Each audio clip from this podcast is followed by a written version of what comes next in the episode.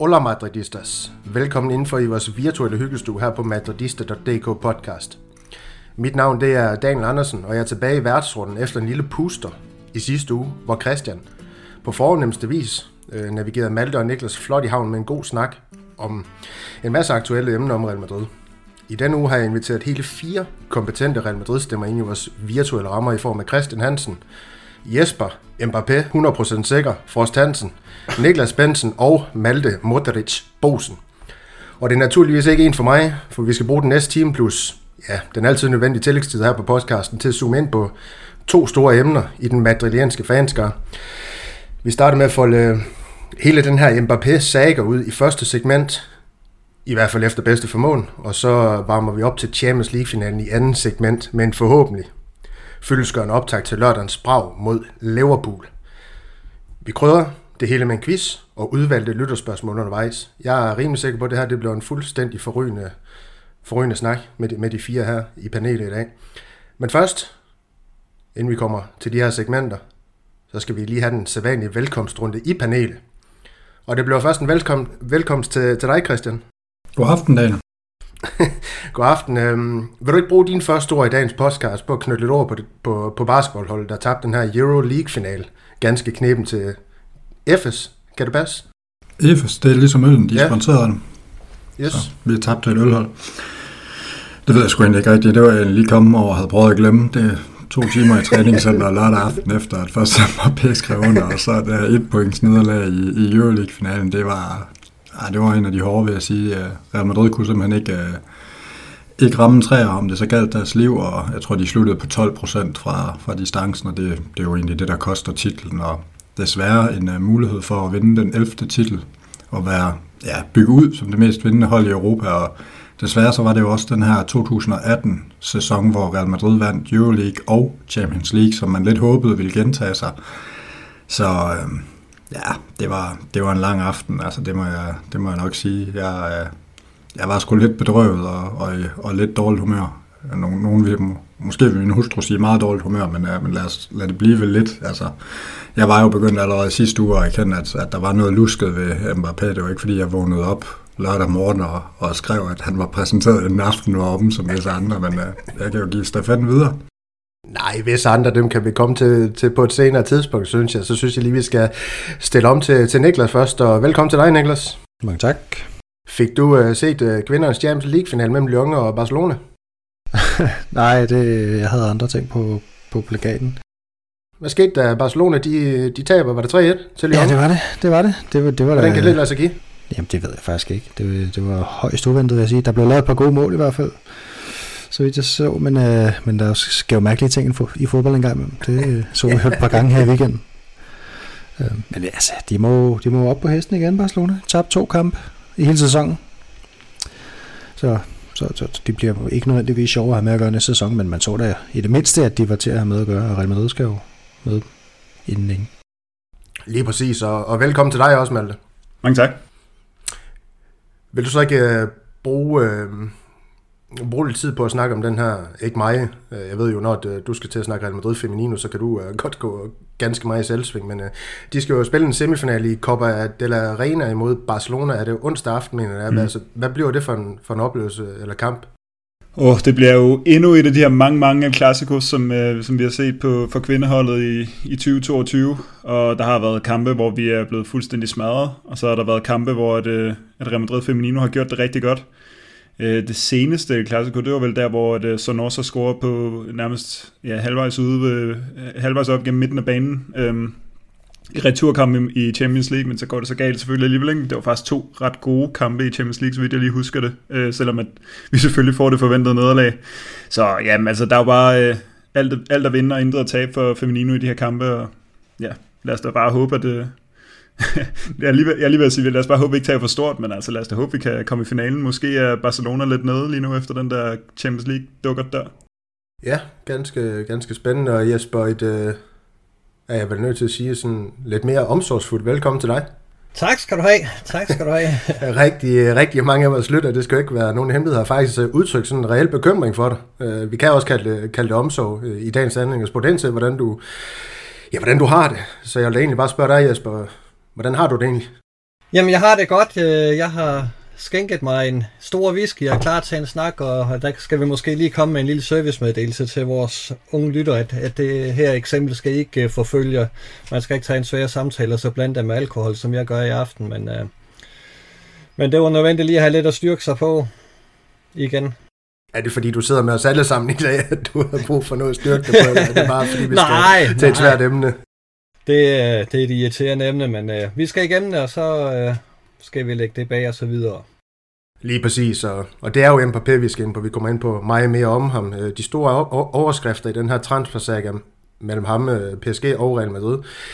Real Madrids, ja, hvad kan man kalde det, fremadrettet sportslige projekt, måske i virkeligheden, og, og meget, meget mere i, i samme genre i, i dagens snak, og så skal jeg måske uh, lave en indskudt bemærkning om det, i hvert fald få at vide, uh, inden uh, vi gik på øh, at vi kom til at runde weekendens sidste Liga-kamp mod Betis, men øh, inden vi hopper ud i øh, den her snak med Mbappé, vi skal i gang med en quiz, og det synes jeg egentlig, vi åbner det hele med. Øh, så, og nej, det blev ikke, øh, det blev ikke Mbappé, vi skal quiz om. Det kunne ellers øh, være som at hælde, øh, hælde salt, øh, salt ned i det, det åbne sår. Til i dag har jeg i stedet for forberedt 20 fuldstændig random spørgsmål på sæsonen i Champions League og La Liga. Vi kommer endda uden for Real Madrids grænser i nogle af dem. Så skal vi ikke bare få åbnet hele ballet, det bliver spændende i dag, når der er fire deltagere med i, i virkeligheden. Og, ja, hvem skal have lov til at starte? Men er du ikke den yngste i panel? Jo, betyder det, at jeg skal starte? Så får, Je- så får Jesper lov til.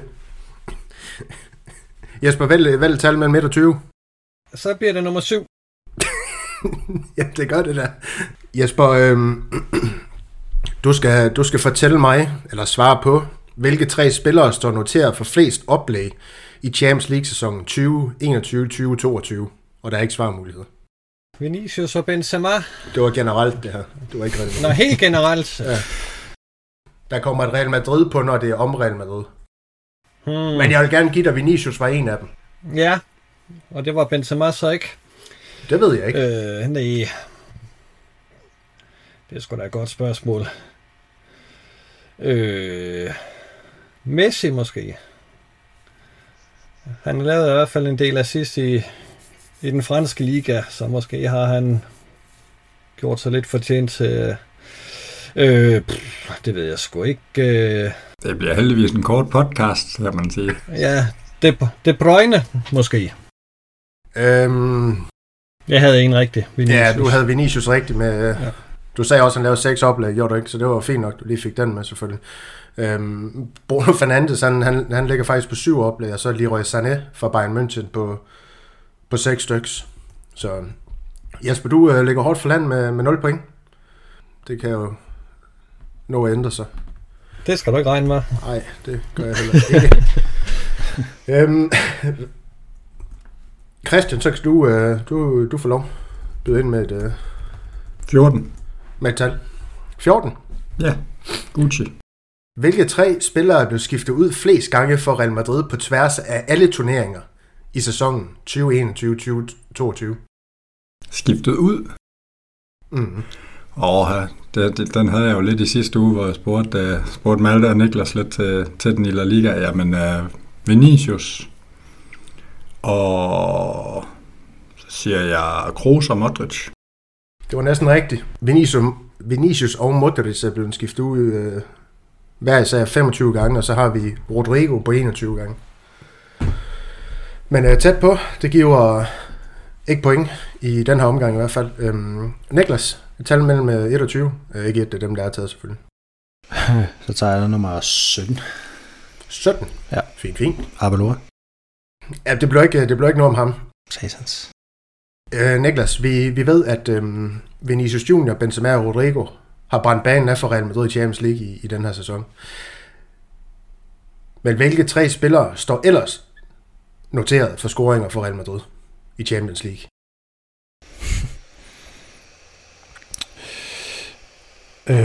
øhm. Det ved jeg ikke en skid om lige nu. Øhm. Hold kæft, man. De har jo lavet alle sammen.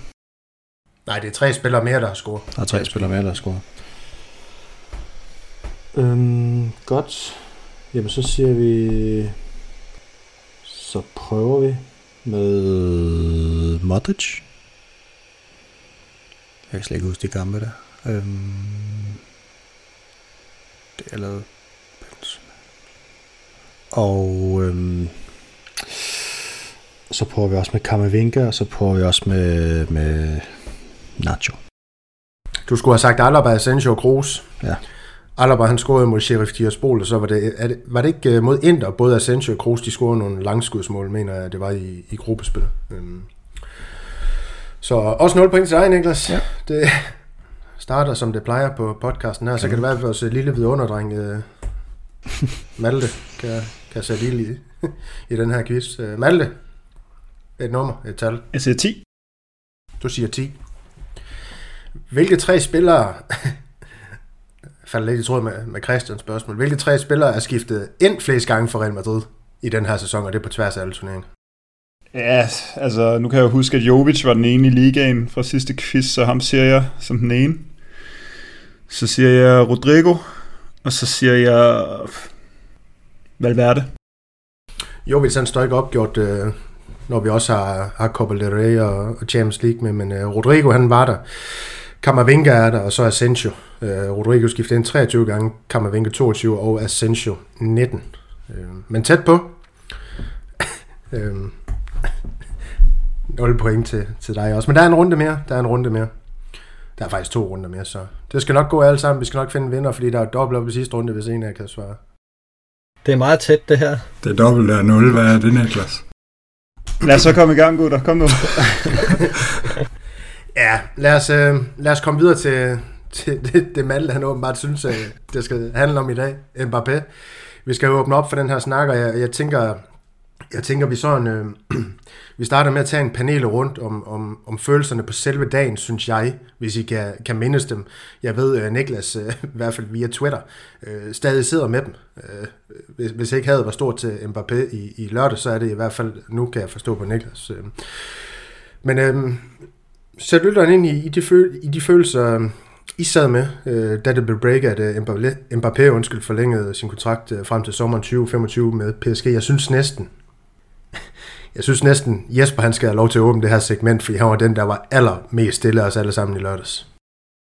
Ja, det var jeg, øh, fordi jeg var både overrasket og, og chokeret over, at, at det, det tog den drejning her. Altså som jeg har sagt tidligere, så var der en aftale med Mbappé sidste år, øh, som, som kun PSG satte sig mod, ellers så havde han været Real Madrid-spiller i dag, og jeg, jeg kunne simpelthen ikke se, hvad der var, der havde ændret sig øh, frem til, til nu, øh, der, der skulle gøre, at han skulle, skulle ændre mening. Øh, så, så jeg var faktisk helt sikker helt frem til, til lørdag morgen på, at, at den her samtale, øh, eller hvad hedder det, kontrakt nok skulle blive underskrevet.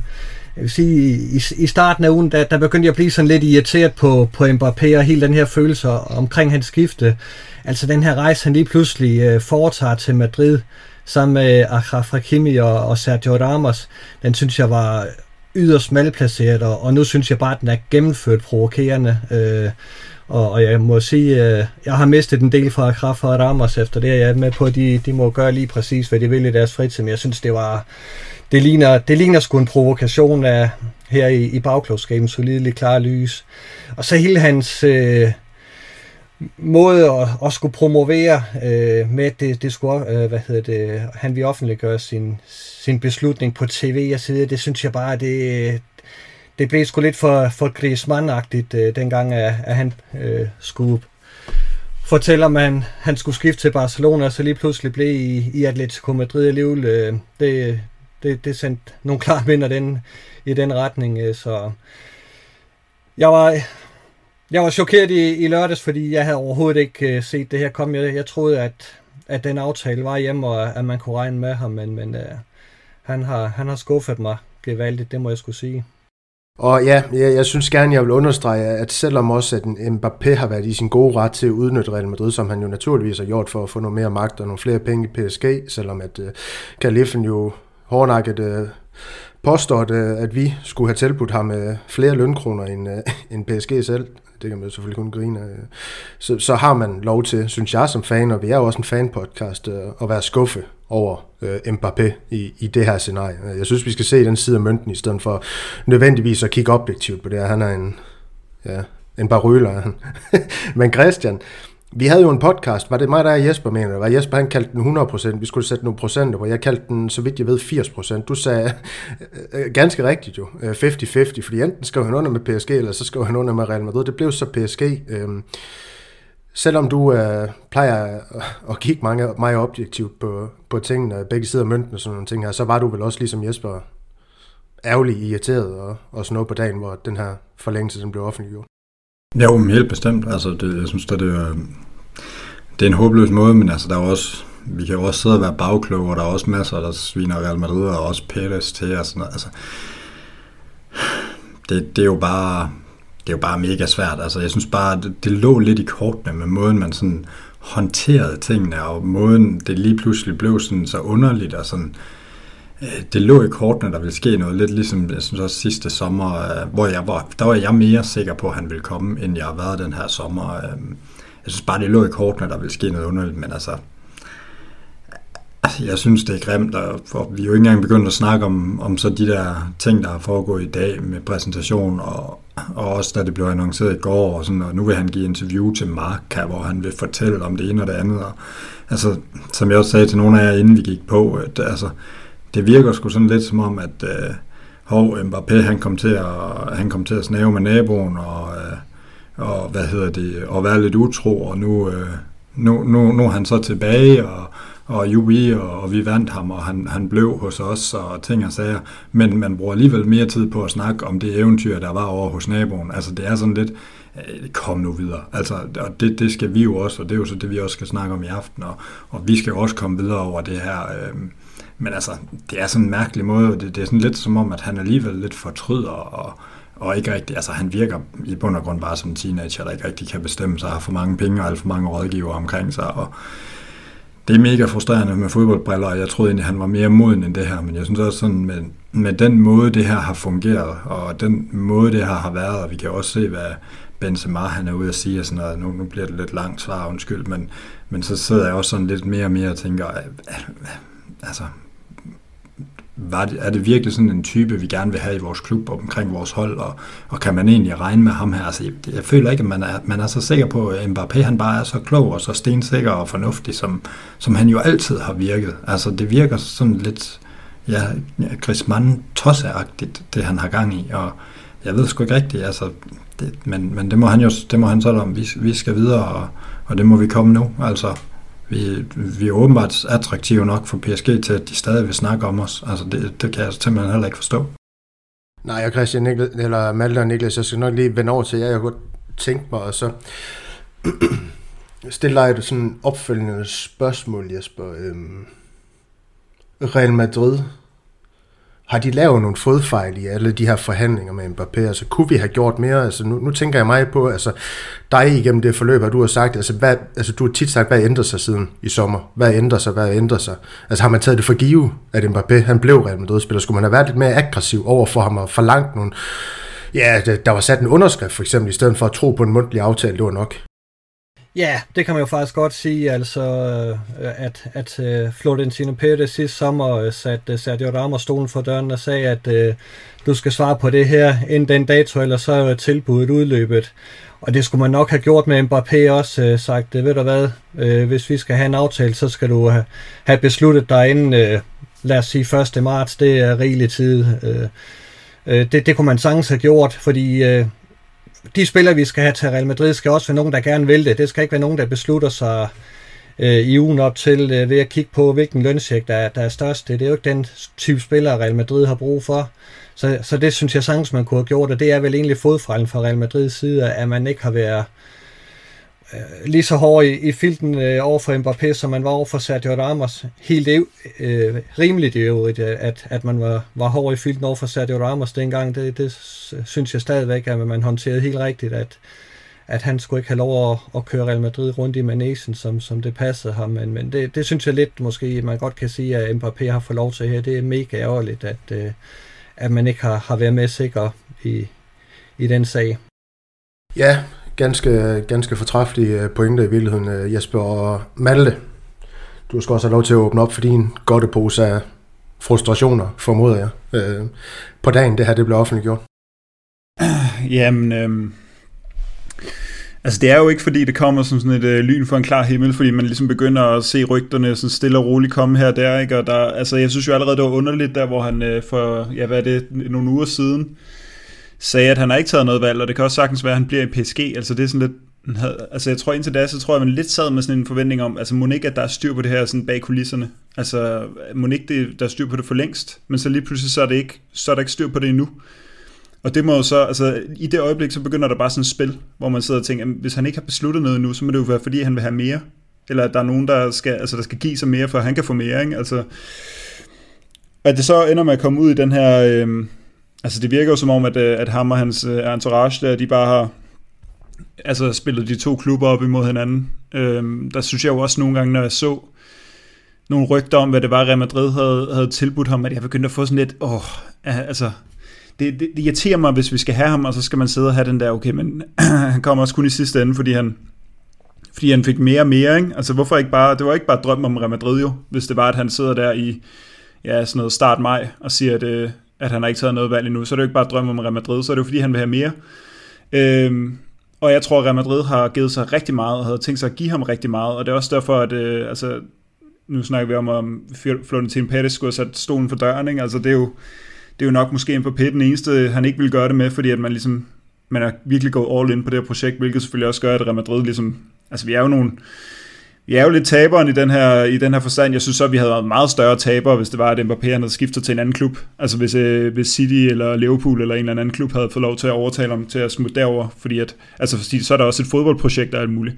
Nu er det jo, nu er det jo bare penge. Altså det, det, han snakker jo på pressemødet om, at at der er et fodboldprojekt her i, i PSG, og pengene og, og løn og øh, image-rettigheder og sådan noget, det er ikke lige så vigtigt, det sagde han jo på sit pressemøde, men det er jo løgn. Altså det der projekt har der set, altså, ser dårligere ud nu, end det har gjort de seneste par år. Altså Neymar har set, altså han så ikke engang ud, fedt ud, da han startede den her sæson. Han har haft sin dårligste sæson vel overhovedet i PSG. Altså alle stjernerne er gamle, altså Ronaldo kom, Ronaldo kommer og får ikke noget spilletid. Altså der er, det, jeg synes ikke, der, der er noget, der tyder på, at der er noget specielt godt sportsligt projekt Øh, så altså, det er jo det er bare virkelig en røver, synes jeg, og øh, jeg vil sige, jeg er næsten med at sidde med en lettelse, allerede sådan lidt, øh, altså nogle timer efter, at, at, at den ligesom var officiel, eller omkring samtidig, hvor den måske virkelig blev officiel, men man godt vidste, at nu er den der der, der sad jeg næsten med en lettelse over, at, at altså, vi, vi slipper for at give den her ek, ekstremt høje løn til en spiller, som man virkelig skal lære at elske. Altså, jeg, det har vi ikke snakket så meget om, men jeg, jeg, jeg har faktisk lidt problem med på P i forvejen. Altså, det har haft nogle af de år, hvor jeg har set ham for PSG, altså, hvor jeg synes, han har været sådan lidt irriterende. Og nu skal han ovenikøbet have en kæmpe, kæmpe løn, virker det som om, ikke?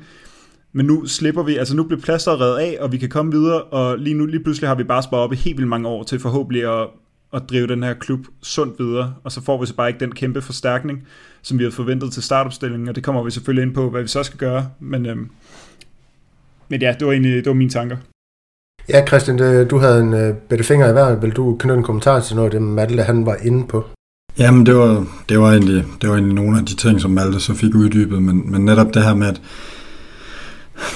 det, det virker bare, for mig at se, så jeg var noget mere høj på ham, end, end, end Malte var, kan jeg, godt, kan jeg godt afsløre og sådan høre på det hele, men det virker bare sådan som om, at altså, det, det er bare ikke den type, vi skal, vi skal bygge op om, og det, det er også det, jeg siger, at, at jeg er ikke sikker på, at, at, at det er skide godt, at den spiller, han var kommet til os, og så, så må vi også sige, at han har for langt til synlædende nogle ting omkring at få, få indflydelse på det sportslige og sådan noget, og altså er der noget, vi aldrig nogensinde skal gøre, altså nu, nu siger jeg det jo også, fordi jeg også følger basket meget nøje og sådan noget, men men er der noget, man aldrig må gøre, kan man se fra, fra sådan en NBA, altså hvis vi sammenligner med LeBron James og sådan noget, så er det, så er det at give spillere indflydelse på det sportslige, fordi så bliver de større end klubben, og det, det er jo lidt det, der, der sker. Altså, hvad, hvad i det øjeblik? Altså nu kan de allerede sige, at de kan ikke få Zidane som træner. Det, han har sagt nej, og det er ham, øh, Mbappé vil have, jamen hvad vil de så gøre for at gøre ham tilfreds, og for at få ham til at blive? Ikke? Altså, så det bliver hele tiden rende efter, efter Mbappés øh, tone. Vi så det også i Barcelona, hvor det også begyndte at falde fra hinanden, og de havde svært ved at få europæisk succes, fordi det hele skulle køre efter Messis hoved. Ikke? Altså, man skal virkelig passe på med det der med, at spilleren bliver vigtigere. Øhm, og så er det en anden ting, jeg også øh, stussede over, det det her med, altså, kan, kan sportsjournalister ikke snart få fingeren ud, og så bare sige til øh, Al-Khalafi eller til Mbappé, I, I sidder jo og lyver. Alle vores rapporter siger, at du har mere, du har fået flere penge. Alle vores rapporter siger, at du har fået det og det. Altså, hvorfor kan de ikke sige, at det er løgn? Det er løgn, det han sidder og siger. Og, og endnu mere med, med Al-Khalafi. Altså, hvorfor er der ikke nogen, der siger, når han sidder og siger, at jamen, der er en klub i verden, der kan give mere end os, og det er Real Madrid, siger han jo så mellem linjerne. Hvorfor kan de ikke sige, at det er løgn? Du har lige du har brugt 700 millioner euro de seneste to sæsoner, uden at vinde noget som helst ud over et fransk mesterskab, som ingen giver en fuck for. Altså, hvorfor er der ikke nogen, der kan række hånden op og så sige, du lyver? Altså, jeg, jeg kan ikke forstå det, jeg bliver, nu bliver jeg arg. Jamen, så er det godt, at vi har en her på podcasten, der kan finde ud af at sige, at de, de lyver. Det har i hvert fald Christians ord på, at de gør det fuldstændig korrekt, det her med, at der er selvfølgelig ikke nogen, der skal blive større end øh, klubben, altså i hvert fald ikke større end Real Madrid Idrætsforening. Øhm, det er, det er selv sagt, og det er også derfor, vi kommer til at knuse alle spillere som ja, Vinicius Junior, øh, Valverde, øh, jeg tror egentlig også Kammervenga, vi kan skrive Militao, Alaba, der også har taget Real Madrid til sig på en helt ekstraordinær måde, og hvorfor vi har Modric og Benzema, og de her typer højt på vores øh, all-time lister. Så det er jo værd at tage med, men jeg, jeg tror altså, den her hungeren efter Mbappé, Malte, nu, nu ved jeg godt, du siger, at du ikke har været så højt på, men, men der er jo også noget med det her, at vi stadig lever i efterdønningerne på Cristiano Ronaldo. Det er jo også en, en sandhed på en eller anden måde. Hazard slog jo ikke til, så vi higer jo stadig efter den næste superstjerne. Nu ved jeg godt, Benzema han er en superstjerne render med Ballon d'Or. Øh, Vinicius han er ved at køre sig selv i stilling til noget kæmpe, kæmpe stort. Øh, så er det jo måske den vej, vi skal til at se det, og så kan man sige, det kommer jo så også ind på, når vi skal snakke spillere, hvor at mit postulat vil være at droppe alle de her spillere, der har udgangspunkt i venstrekanten, øh, dem der har været nævnt. Sådan, og, og hvad de ellers sidder, og, og så en, øh, en mere udpræget højre kant. Men øh, det kan vi komme til på, på et senere tidspunkt, Niklas. Du, du skal have lov til at komme til ord. Hvad, hvad sker der? hvad for nogle følelser sidder du med? Du, du er også ej, det, det kan jeg garantere. Ja, ja, det er jeg over nogle af de samme ting som Christian. Det her med, at der så åben lys bliver løjet, og at, at der ikke bliver kaldt ud på det. Det, det har jeg altid et problem med, øh, om det så er politikere, eller... Ja, det er det jo også i, i Paris, kan man sige, men, øhm, men, men den her helt åbenlyse øh, retorik, hvor man forsøger at latterliggøre sine modstandere, og på den måde øh, have ret, og så så er der nogle mennesker, der kommer til at tro på det, man siger, og så, betyder, så er det jo kun dem, der betyder noget i virkeligheden, fordi at det, det er det, man gerne vil have til at tro på en. Øhm. jamen, øh, altså, der, ja, det var jo et par dage op til, at pilen pegede i den retning, som, som den endte med at pege i. Øhm. og jeg sad med nogle af de samme følelser. Jeg sad og tænkte, at en, en, en spiller som en medarbejder, som kræver det her af ledelsen, ham kan vi jo ikke have rende i, i Real Madrid, fordi på et eller andet tidspunkt, så giver det jo kæmpe store problemer, at han skal være mere værd end alle de andre. Øhm, når, når du strækker dig så langt for en spiller og, og gør det ja, i virkeligheden er så desperat for at få ham til at blive, eller hvis Real Madrid har tilbudt det samme for at få ham til at komme, så skal man jo resten af den tid, han er i klubben, skal man jo strække sig endnu mere for at gøre ham tilfreds.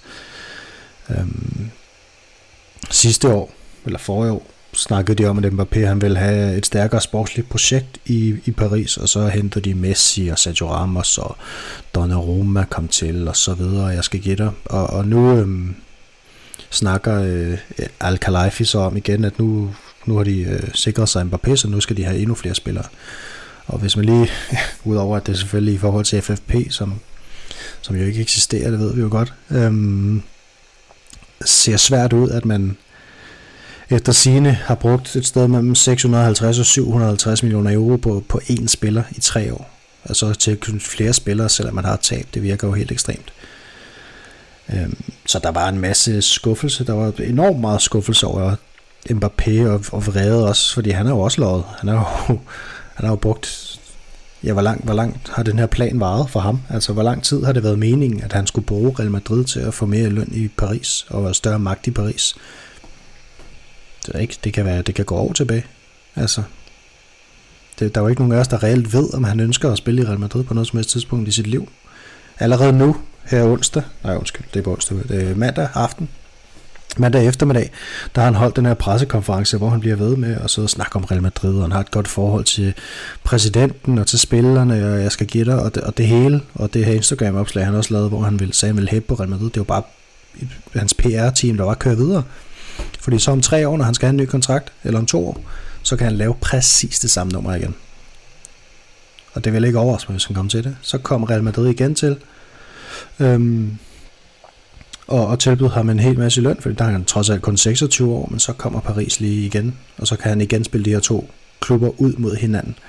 Øhm, men på det tidspunkt kommer det bare aldrig nogensinde til, til at være det samme, fordi, fordi Kylian Mbappé er ikke... Øh, altså ideen om Kylian Mbappé til Real Madrid var jo enormt god, fordi han skulle have været fan for barnsben af, og han skulle sige nej til en masse penge i, i Paris, men men øh, i virkeligheden så var det jo nok en facade, og han har nok været lidt dårligt rådgivet også. Man skal også huske på, at det er stadig bare en mand på 23 år.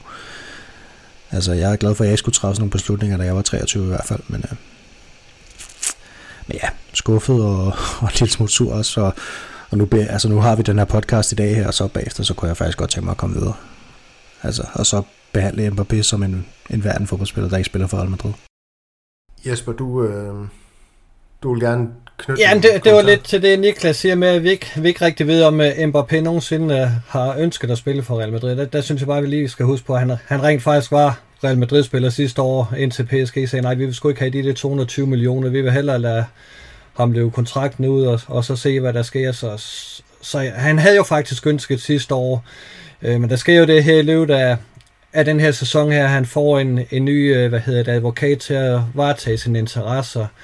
Og hun er åbenbart øh, en benhård øh, forhandler, som, som har fået dollartegn i øjnene og, og har fået familien med over på, at nu skulle de her to klubber prøve at spille sig ud mod hinanden og se, hvad, hvem der kunne tilbyde mest. Og det er jo det, det handler om. Altså han sætter i dag øh, Mbappé og siger, at, øh, at han er franskmand, og, og, og han øh, valgte det franske projekt.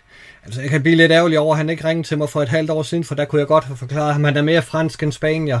Og jeg kunne også godt have forklaret ham, at Paris er mere fransk end spansk. Øh, så, så hvis det handler om det, så kunne han have truffet den beslutning for et halvt år siden, det er noget værre pis. Det handler om penge, og ikke en skide andet.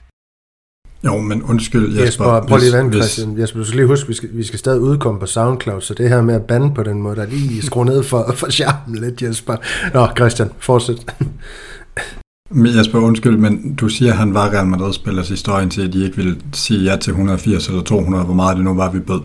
Men han gjorde jo ikke noget for at blive Real Madrid-spiller. Han skrev under, men øh, alle vil jo, altså, han kunne jo bare have sagt, så kommer jeg ikke til at spille. Altså, han kunne jo have gjort noget. Han gjorde jo ikke noget. Han mødte op til træning, stor smilende og krammede Leonardo, som han har fået fyret nu. Altså, det var det, han gjorde. Og, og så er jeg også nødt til at sige omkring hans, øh, hans revisor, jamen altså det er jo Mbappé, der vælger sin revisor, ikke revisoren, der vælger Mbappé. Så altså, hvis han virkelig ville noget, så, så havde han jo ikke sådan en. Altså alt tyder jo på, at han vil pengene, ellers så vælger han vel ikke den mest griske revisor i Europa.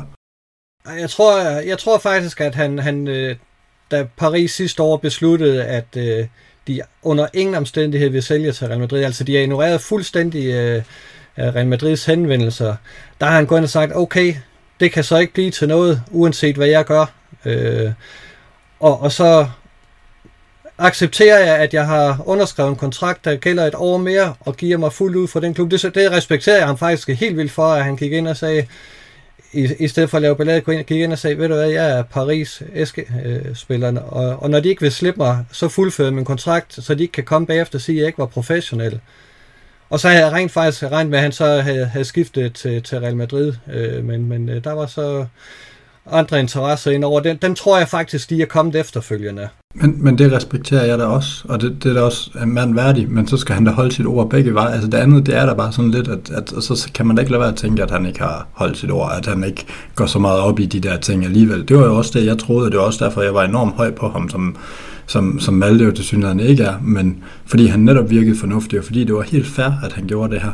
Men så, så skal han da ikke have underskrevet en kontrakt, altså om der så har været underskrift på, eller givet ord, eller hvad der har været, men der er ikke nogen tvivl om, at Real Madrid havde forventet, at han blev, og der er ikke nogen tvivl om, at Mbappé han har rigtig dårlig samvittighed, fordi ellers så ringer man altså ikke til en præsident fra en anden klub og siger, undskyld, jeg blev. Altså det gør man ikke, hvis man ikke er virkelig derude. Jeg har aldrig nogensinde hørt om før, at en spiller har ringet til en præsident og sagt mange tak, fordi du har ventet, men, men det blev altså et nej tak, og jeg er virkelig ked af det, og, og alt sådan noget. Altså så, så noget til at sige, det er sådan lidt, jo det var lidt professionelt, professionelt, men så var det jo heller ikke mere, end at det handlede om noget andet, og det var usel mammon.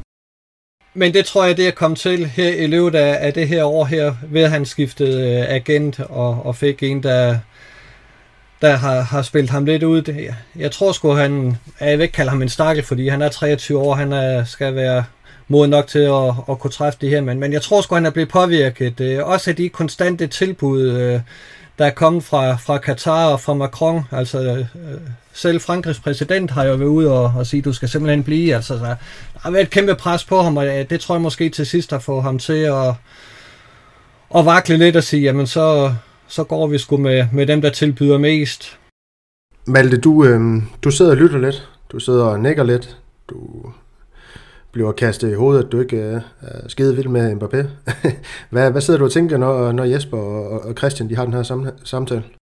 Øh, jamen, jeg er meget på linje med, med Jesper, og langt hen ad vejen i, i virkeligheden nok også Christian, ikke? men øh, altså, der er, jo ingen, der er jo ingen tvivl om, at det her det var, altså, det ville være et kæmpe skub for, for Real Madrid, og det anerkender jeg jo også. Altså, øh, når jeg siger, at jeg ikke var så vild med Mbappé, så er det sådan lidt, altså sådan lidt, jeg synes, han har været lidt krukket nogle gange, når man har set ham for PSG, og sådan lidt, lidt de der sådan, stjernespillerne behøver ikke løbe så meget defensivt og sådan noget. Altså det, nogle gange har jeg bare været en lille smule irriteret over hans attitude, når jeg har set PSG. Det er egentlig kun det, det handler om. Og så det skal man jo altid lige lære og, og, øh, og elske, når sådan nogle spillere kommer til, kommer til Real Madrid. Der har været nogen rygtet i, i løbet af de senere år, jeg virkelig ikke har kunnet døje. Sådan nogle som Pogba, Sterling og Neymar. Det er selvfølgelig slet ikke samme kategori med, med Mbappé.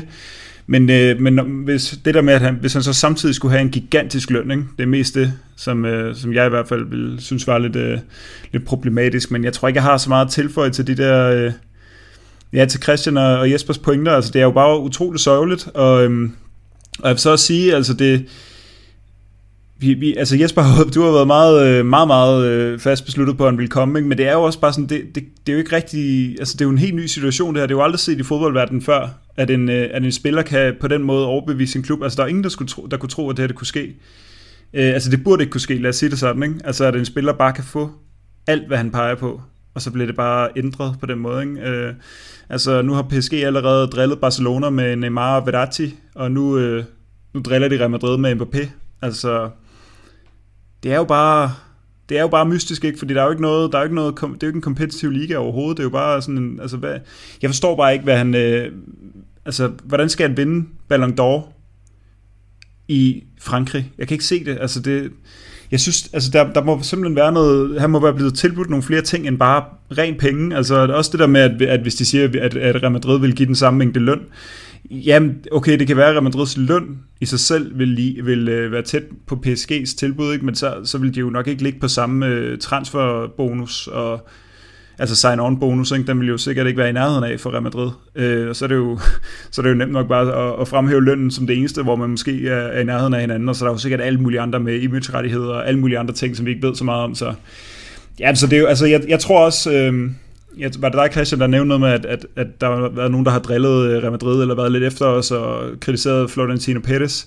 Altså, hvis, hvis jeg, altså jeg håber da, at, at vi får et, øh, et boost altså rundt omkring på fodboldverdenen, at resten af fans af alle mulige klubber kan se, hvor forrygt det her det er. Altså, det, der er jo ikke nogen, der vinder på det her. Det er jo en altså, eskalering af, af ting, som vi har været efter i de senere år, og grunden til, at Super League-projektet skulle, skulle opstartes, og alle mulige ting, og nu bliver det bare totalt tydeligt for alle. Ikke? Og der har der også været en tendens, synes jeg, der til, at, at folk har, altså også for, for folk, der ikke er tilhængere af Real Madrid, der har været efter Mbappé, altså det er jo bare, det, det, det skråler jo bare griskhed, ikke? på en eller anden måde. Også fordi, at han giver afkald på en, altså en karriere er jo så så lang. Jeg tænkte allerede, da han, øh, altså, da han blev PSG sidste sæson, så tænkte jeg, og det er lidt ærgerligt, at han så kom, først kommer til Real Madrid, når han er 23, i stedet for allerede, når han er 22. Altså Ronaldo kom, da han var 24. Hvis Mbappé han skal overhale ham og bare score bunker og mål, ikke, så skal han jo gerne komme nogle år før måske. Og nu, øh, det så åbenbart overhovedet ikke været i... Altså, det har slet ikke været relevant, vel? Fordi nu, nu bliver han... Altså, nu er han 26, når hans kontrakt udløber, så ja, jeg synes bare, det er mystisk det hele. Ikke? Det, det er virkelig ærgerligt for, for Real Madrid og for, altså for fodbolden generelt, synes jeg, at sådan noget her kan ske. Øh, Niklas, Mbappé, er han en, øh, en uambitiøs sportsmand, efter din mening? Ja, det kunne tyde på det i hvert fald, at, at der er andre end ambitioner indblandet end, øh, end lige det sportslige. Øhm, nu ved jeg godt, at, at nu sidder øhm, Nasser Al-Khelaifi i dag og siger, at øh, Javier Tebas, formand for La Liga, han er bange for, for at øh, den franske liga vil overhale den spanske, men det kan jo aldrig nogensinde lade sig gøre, som tingene er lige nu. Altså, det er jo kun Paris, der, der opper sig, det, det, er jo ikke, det er jo ikke givet for ligaen, synes, tænker jeg, at Paris bare bliver så sindssygt stærke, som de bliver, bare vinder og vinder og vinder og vinder. Mens at, at de andre hold altså, altså kigger lige ind i en mur. De kan aldrig nogensinde drømme om at komme op og, og slå dem. Altså, det, der bliver snakket øh, enormt meget om, om trænerføringer efter sådan en sæson som den her sæson i, i Paris, ikke? og det nærmest ses nærmest som, som givet, at, at uh, Pochettino han ikke fortsætter. Øh, det er altså selvom de vinder ligaen med 15 point ned til nummer 2. Så, altså, så er der jo lang vej, tænker jeg, for, for en ny træner til, at det kan blive en succes, fordi man taber én kamp i Champions League, som man måske i, i virkeligheden nok burde have vundet, hvis man kigger på spillerchancer. Øhm, ja, ud, altså, udfordringen havde jo ligget Real Madrid, det er der ingen tvivl om. Men, øhm, men, men, men hans, øh, hans prioriteter lå et andet sted og ligger et andet sted, og, nu, nu, og han er jo stadig ikke villig til at lukke den. Øhm, du foregår der interviews her i dag, mandag, hvor han også siger, at øh, det drømmer om Real Madrid er ikke slut endnu, og så videre. Det, det er jeg nok ikke så sikker på selv, men øh, vi, vi, vi må se. Ja, og og det her med, om han en dag kommer til Real Madrid øh, eller ej, den kan vi lige runde det hele af med. Som sådan bedte teaser til om tre år, hvor vi forhåbentlig sidder her igen, og, eller ej, forhåbentlig ikke sidder her igen og skal, skal snakke om det her en gang til selvfølgelig. Men vi har også fået nogle, øh, nogle spørgsmål ind fra vores lytter, som jeg godt kunne tænke mig, at vi begynder at åbne op øh, for i forhold til det her med Mbappé, fordi Christian, jeg kan starte med dig. Det er en Jakob Lomholdt, der spørger, altså han skriver, burde vi være bange for, at Real Madrid ikke er en lige så attraktiv destination som i gamle dage? Altså en mindre alt det her med Mbappé, han er fravalgt også over, over PSG. Det ved jeg ikke. Altså, jeg synes faktisk, det har været interessant at følge de seneste dage, hvor mange der har været ude og melde ud, at, at Real Madrid alligevel er drømmeklubben, og, og, og egentlig også, hvor mange der egentlig er kommet til klubben, fordi de havde et ønske om det. Jeg synes, det har været lidt interessant at følge, hvor mange mediehistorier der har været om spillere, som rent faktisk arbejdede på at, at få færre penge hos Real Madrid, eller valgte at komme. Øhm, men det er da klart, at lige så stille, altså det, så dem med pengene vinder jo. Altså sådan, sådan er det jo oftest. Det er jo også derfor, vi bygger et nyt stadion, det er jo, eller bygger om på stadioner. Det er jo for at kunne blive ved med at konkurrere. Øhm, jeg er ikke så bange for PSG på den lange bane, for jeg har også lidt, lidt en fornemmelse med ham der, øh, Al-Khalafi og, og Katar og sådan noget, at det virker som om, der er ved at være sådan lidt en, en, et folkeoprør imod det der, at der er flere og flere, der kritiserer det der med rigmænd og, og, og det her fodboldvidvaskningshalløj, øh, som foregår af forskellige ting. Og så, altså, så jeg tror, der kommer til at komme et oprør i, i de kommende år omkring det, men men det er da bekymrende, altså hvis, vi, hvis, hvis klubberne bare løber fra os og har flere penge og kan poste flere penge i det, så, så vinder Real Madrid jo ikke. Vi har jo netop været, været de bedste, fordi det her, vi formået at spille det game helt formidabelt, samtidig med, at vi har vundet rigtig meget. Men altså, jeg tænker, at det er jo ikke, det er jo ikke de næste fem år, der ser sort ud. Altså, vi skal, vi skal bruge det her til at, i stedet for at bygge op om en profil, så skal vi bygge op omkring et kollektiv, og, og de mange unge, dygtige spillere, vi har. Vi har måske allerede den kommende Ballon d'Or vinder rendende på venstre kanten, så, så værre er det jo heller ikke. Øhm, jeg tror nok, at, at Real Madrid skal bestå og, og også overleve det her, men det er da et tegn på, at der måske kan foregå et, et nybrud, som vi får svært ved at følge med i. Men jeg vil egentlig også gerne have, have dig med på den her og, og høre dit besøg på, om du øh, er nervøs for, om Real Madrid i forhold til den attraktive destination ikke øh, er så attraktiv længere for de her spillere, når det, ja, vi måske også en mente alt det her med de her olieklubber, og alle de ting her, altså, når de kommer i spil, og penge de nogle gange kan blive for store, fordi vi skal heller ikke undervurdere Newcastle på, på den lange bane, altså nej, historisk sportsligt set, der er det jo ikke en tilnærmelsesvis lige så stor øh, destination som Real Madrid, men, men penge, det kan jo også noget. Altså, er det noget, vi skal være nervøs for det her? Det, det synes jeg da, det er noget, vi skal være nervøs for, men jeg synes overhovedet ikke på baggrund af den her case. Altså det er nogle helt andre ting, der gør, at jeg er en lille smule bekymret for det der. Det er noget med noget, det er noget du ikke kan lige høre om, Daniel, men, men øh, nogle, øh, en, en, pengestærk, penge, en pengestærk Premier League, hvor alle klubberne er røvrige, og koncepttrænere, alle de bedste trænere for verden bliver hævet ind der, og det hele bliver øh, altså fuldstændig timet og tilrettelagt det er sådan noget der, altså hvis Mbappé var skiftet til, til Premier League, så havde det virkelig været et, et, et, et søm kisten for mig, men, men at Mbappé bliver i PSG, hvor han bare, altså det er jo som om han bare bliver placeret i sådan en mærkelig øh, altså anden dimension uden for fodboldverdenen, hvor han ikke er relevant og bare lige kigger ind en gang imellem i Champions League, og så rører han ud, og så er det det. Altså det er jo sådan PSG, det er jo den rolle, de har spillet i de senere år. Altså de, de er kommet en gang i Champions League-finalen, og det er det. Den tabte de så. altså det... Jeg, øh, Ja, ja, det er noget, jeg er bekymret for, men ikke, ikke sådan på grund af det her. Altså, det er selvfølgelig et problem, hvis, øh, hvis, hvis klubber bliver rigere og rigere, og der er, vi jo, altså, der er vi jo så heldige, at vi har Florentino Pettis, og, og jeg vil også sige, at jeg har været mere bekymret for det for nogle år siden, fordi jeg synes, at det er gået en god retning for Real Madrid, i hvert fald i, i de sidste halvandet til to år. Altså øhm, den måde, at øh, Pettis han har fået reddet den her klub, på trods af en coronaepidemi, og på trods af, at man skulle spare op til verdens største spiller, og det lykkedes det. Altså vi havde pengene til ham. I en realistisk verden havde vi pengene til ham. Altså, og, det, og det havde lykkedes det her projekt, hvis ikke det var fordi, at Ja, at, at, at det her mærkelige øh, PSG, det, altså det, alt det her, vi lige har snakket om, ikke? Så, øh, så nej, jeg, jeg synes, at det har peget en bedre retning for Real Madrid de senere år, og vi, vi har spillet meget, meget bedre fodbold i den her sæson, end vi har gjort i, i de sidste, sidste par sæsoner under Zidane, synes jeg også. Så ja, gen, i, generelt, men jeg synes, at det her det skal ses som en isoleret case, fordi jeg tror ikke, at det, altså jeg tror, PSG de kommer også til at have svært ved at... Altså, hvilke spillere er det, der skal skifte derover? Og, og bare spille øh, 38 ligegyldige kampe i en liga, og så være i form hver februar.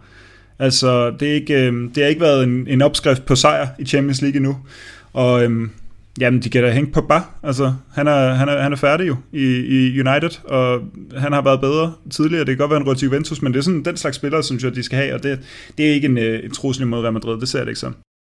Nej, og du vil gerne se det her som en isoleret case. Der er jo nogen, der i hvert fald har spurgt ind til det her med olieklubberne, og, og hvordan de kan stoppes, og, og hvis ja, ja, ja, hvordan så, og alle de ting her, men er ikke sikker på, at man skal anskue spørgsmålet på den måde, fordi olieklubberne, de kan ikke stoppes. Vi lever også i en, i en fodboldverden, hvor korruption det er en almægtig stor ting i, i de højere ja, luftlag med, med dem, der går i jakkesæt og alle de ting her. Så, så det er jo en ting, man også er nødt til at forholde sig til. Men, men Jesper, et er jo selvfølgelig, Real Madrid de er ved at, at bygge det her kæmpemæssige eller det er jo det samme stadion, men de er i hvert fald ved at renovere det, så det bliver nymoderne, alle de ting her. Øhm, er der andet, man kan gøre for at blive ved med at følge med de her klubber, øhm, der kan tilbyde nogle større summer, må man jo formode, end, end Real Madrid, øh, når man skal hente de allerstørste spillere. Altså, vi har jo nu misset ud på Mbappé, og vi har også misset ud på Holland, fordi at vi gik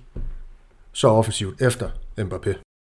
Ja, fordi i Holland vi har den der mm. absurde klausul, øh, som, som Real Madrid jo på ingen måde kan, kan gå med til. Altså, og, og det er jo også øh, endnu en understregning af, at det er olieklubberne jo ligeglade med, at, at de henter en spiller dyrt, dyrt, dyrt, og så accepterer de om to år, kan de øh, komme ud med et gevaldigt underskud, uden at kunne gøre noget som helst. Øh, øh, det, den, den flothed kan Real Madrid jo ikke tillade sig, men, men det er klart, at Real Madrid skal gøre alt, hvad de kan for at maksimere indtægtsmule, øh, indtægtskilderne. Øh, det, det er jo en vej, og så, så skal man fortsætte med at vinde. Øh, fordi Real Madrid er et, et, en kæmpe klub og et kæmpe navn, og, og vi har jo set spillere som Rydik og, og Alaba, som var villige til at gå ned i løn øh, og, og, og takke nej til, til større øh, tilbud, bare for at komme til, til Real Madrid. Det er jo den slags spillere, vi skal ud og have. Det, det er sådan nogle, øh, af Real Madrid skal leve på. Øh, det er ikke øh, Mbappé, og, og det er ikke for undervurdere hans kvaliteter, for han er en verdensklasse spiller. Det ændrer det her jo ikke på. Men, men øh, det Real Madrid skal leve på, det er, det er spillere, der da hvis hjerte bliver omdannet til, til Real Madrids logo, når de trækker trøjen over, over hovedet. Altså, det er, er den måde, at Real Madrid skal, skal leve på. Men jeg synes faktisk, det er rigtig interessant, det I sidder og diskuterer her i forhold til, hvordan man bygger klubben op og sådan noget, og, og de her oliepenge. For det virker jo som om mange af de her oliemilliardærer, de kommer ind med en masse penge, og så smider de om sig. Og, og særligt i PSG's tilfælde, de har jo brugt, altså de har jo snart brugt en milliard euro på ikke at vinde Champions League. Og, og hvad sker der så, når de vinder? Øh, hvad sker der, når Messi stopper? Hvad sker der, når Neymar han stopper lige om lidt? Hvad sker der, hvis Mbappé han bliver træt af det hele? Altså det er jo sådan nogle det, det er jo ikke en klub, man har bygget op. Det er jo ikke en sund kultur at være i, men det er jo heller ikke en klub, man bygger op på den måde. Og der synes jeg jo, Real Madrid, det er jo, det er jo noget andet netop det her med, at man går ud og arbejder på at få Rüdiger, og man går ud og arbejder på det her. Man arbejder også længe for det her med Mbappé. Og det er lidt det samme med Holland, ikke? Man, man henter ham bare ind, og så er man egentlig ligeglad med, hvad der sker om to år. Højst sandsynligt også, fordi ejeren er sådan lidt, jamen jeg skal bare vinde det der, så kan det være, at jeg kommer videre til noget andet legetøj. Ikke? Og det er, jo, det er jo ikke en sund kultur, og der må man jo sige, hvis man kigger på en klub som for eksempel Chelsea, så byggede de jo op over lang tid. Det var jo Abramovic kom ind fra start og smed en masse, en masse penge, men det var lige så meget i træningsanlæg og i at bygge alt muligt infrastruktur op og hente nogle fornuftige trænere og sådan noget. Så, så det var mere langsigtet bygget op, og han virkede også til at have en større interesse i, hvad det egentlig var, der foregik. Hvor jeg synes bare, at nogle af de her ejere, jamen det virker jo bare som om, det er så, så forhastet det hele. Og det tror jeg, jeg, eller det er jeg meget enig med i, det skal Real Madrid ikke være så bekymret for, fordi altså, hvad der kommer lidt, det går lidt, og altså, jeg vil godt lægge hovedet på blokken og sige, at om 10 år, der er City, PSG og Newcastle ikke alle tre ejet af rigmand. Altså der er sket et eller andet i nogle af de klubber, som har været negativt, og, og så er de ude. Altså hvis jeg har set det med Malaga, jeg tror da gerne, de havde været for uden at have en rig ejer i en periode, og så bare rykke ned. Altså, det, det, er jo ikke, det er jo ikke det, vi vil, og, og derfor så overlever vi også. Niklas, har du en kommentar på, på noget af det her, inden vi hopper videre? Nej, lad os komme videre. Det kan jeg jo, jeg, har, jeg kunne sagtens snakke en time, men...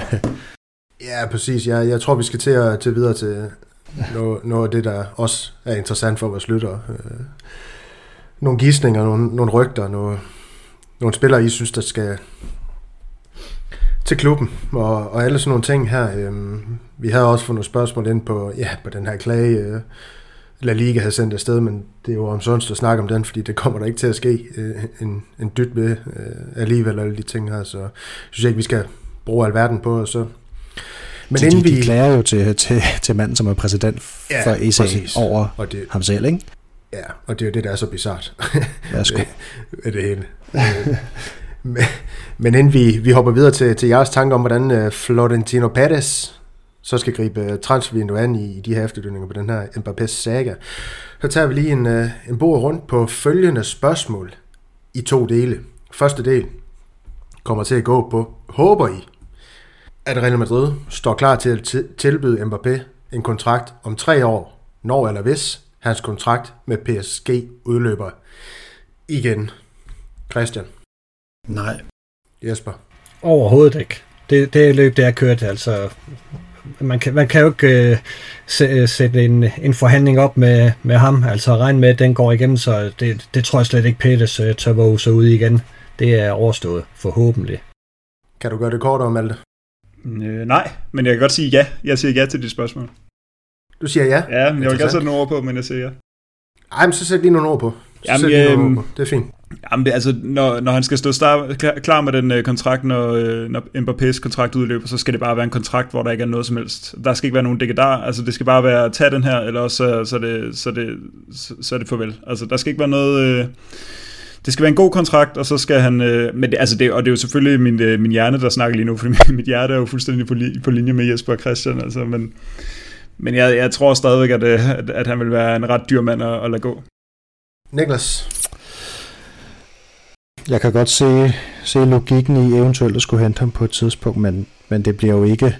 Han bliver, kommer ikke til at blive modtaget som den held, som han var blevet modtaget som nu, som sådan en, en madridista, som, som en, som var skabt til at spille for klubben. Der, altså, det har han fået tilsølet. Øhm, jeg håber ikke nødvendigvis, at Real Madrid står klar med, med en kontrakt, og det er også fordi, at ret beset er det jo ikke venstrekanten, vi skal bruge spillere på. Der regner jeg med om tre år, Vinicius, han har altså, han har udviklet sig endnu mere, og, øhm, og nej, det, jeg kunne godt tænke mig, at han ikke kom til Real Madrid. Men øh, Christian, et, det er jo hvad, at øh, du håber. Andet er, hvordan Real Madrid de så agerer om tre år. Tror du, og det her det er jo ikke et håb, men tror du, at klubben kommer til at gå all in på Mbappé igen? Ja, ja, det er slet ikke tvivl. Ja, jeg tror ikke, man kommer til at gå all in. Jeg tror, man gør præcis som Malte siger, at her er et tilbud, og så kan du tage det, og så kommer man ikke til at bruge alt det her medietid og snakken frem og tilbage. Det bliver bare, hvis du gerne vil, så kan du få de her penge, og så kan du komme, men ikke mere end det. Jesper, dit svar på det spørgsmål?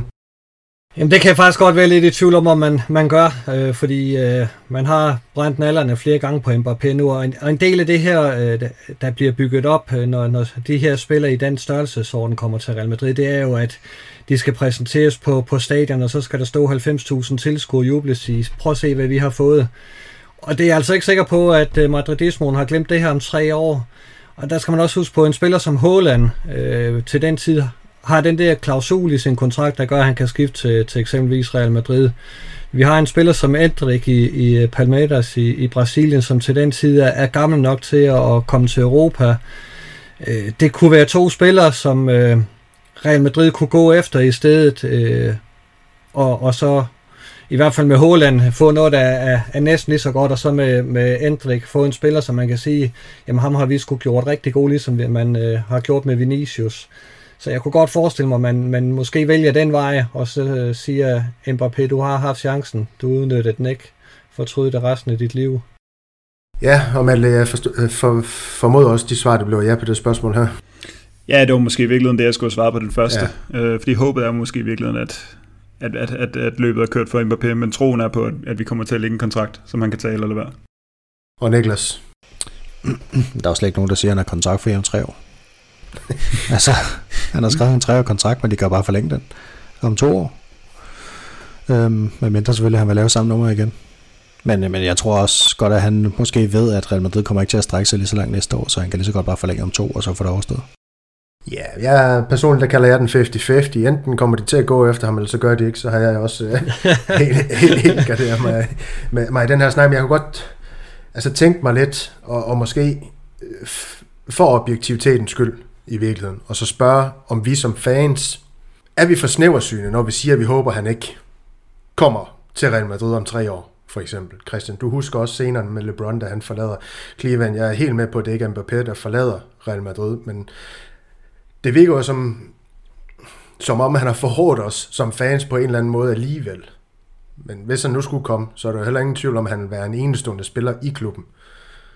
Er vi for snæversyne, Christian? Jamen det er vi der. Vi sidder jo og øh, kravler helt op i det høje træ som en eller anden politiker, men når alt kommer til alt, og hvis han vælger os om tre år eller om to år, det er jo den 2 plus 1, så vidt jeg har kunnet læse mig frem til, øhm, altså så, så er vi jo selvfølgelig øh, super lykkelige, hvis han, er, hvis han vælger os til den tid. Altså det, altså, det, så kan det godt være, at der ikke lige dukker 80.000 op til præsentationen, men vent til han har lavet to hat så, så er, vi, så er det hele jo glemt igen. Altså, sådan er det jo. Altså, før sæson ville vi også lade, lade Vinicius smutte, og der har også været store, store perioder, hvor Benzema han, øh, har været mega udskilt, og, og, og vi skulle nærmest skille os af med ham for enhver pris, og, og nu er han jo den mest elskede mand i Madrid. Altså, det er følelser, og det ændrer sig. Det, det, det tager jeg sådan lidt, at, at jo, romantisk set er alt muligt, men i virkeligheden så er vi jo ikke til falds for andet, end at han laver et par hat på Bernabeu. Men, men, men, men Vinicius og Benzema, det har jo kun handlet om niveau. Det her det er jo en spiller, som overhovedet ikke udviser nogen som helst øh, respekt for klubben eller fansene. Tror du ikke, du glemmer det, hvis han spiller godt? Ja, jeg gør ikke, det ved jeg 100% sikkert. Jeg glemmer heller ikke, at Cristiano Ronaldo han brugte beskidte metoder for en, for en kontaktforlængelse. Det er jo også, det, og vi snakker om det i vores tråd. Det, jeg ved, kan ikke huske, om alle det havde, men vi andre har jo ikke sådan en som Cristiano Ronaldo på vores øh, yndlingshold, for eksempel. Vores, vores hold af yndlingsspillere. Det er der jo en grund til. Det, de tager ikke klubben til sig, på samme måde som Vinicius allerede har gjort, eller Karim Benzema gør. Man bliver da heller ikke min favorit, men derfor så kommer han der til at blive, altså, historikken viser der bare, at vi kommer til at elske dem, der laver mål. Altså på en eller anden måde, et eller andet omfang i, i fanbasen i hvert fald. Kommer til at være glad for målene i hvert fald. Præcis. Okay. Uh, Mal, du sad og nikkede, da Niklas han snakkede. Er det fordi, du køber dig med ind på den præmis, han, han arbejder i, eller synes du ikke, vi er, er snæversyne?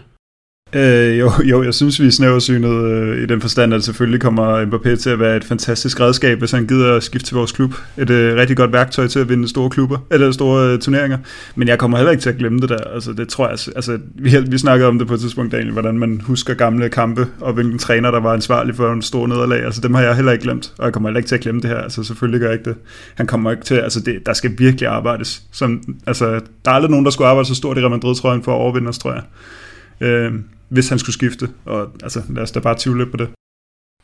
Ej, det bliver godt, når vi skal uddele sæsonkarakter på et tidspunkt. Vi skal høre dig snakke om det her 4-0 nederlag til Barcelona igen igen.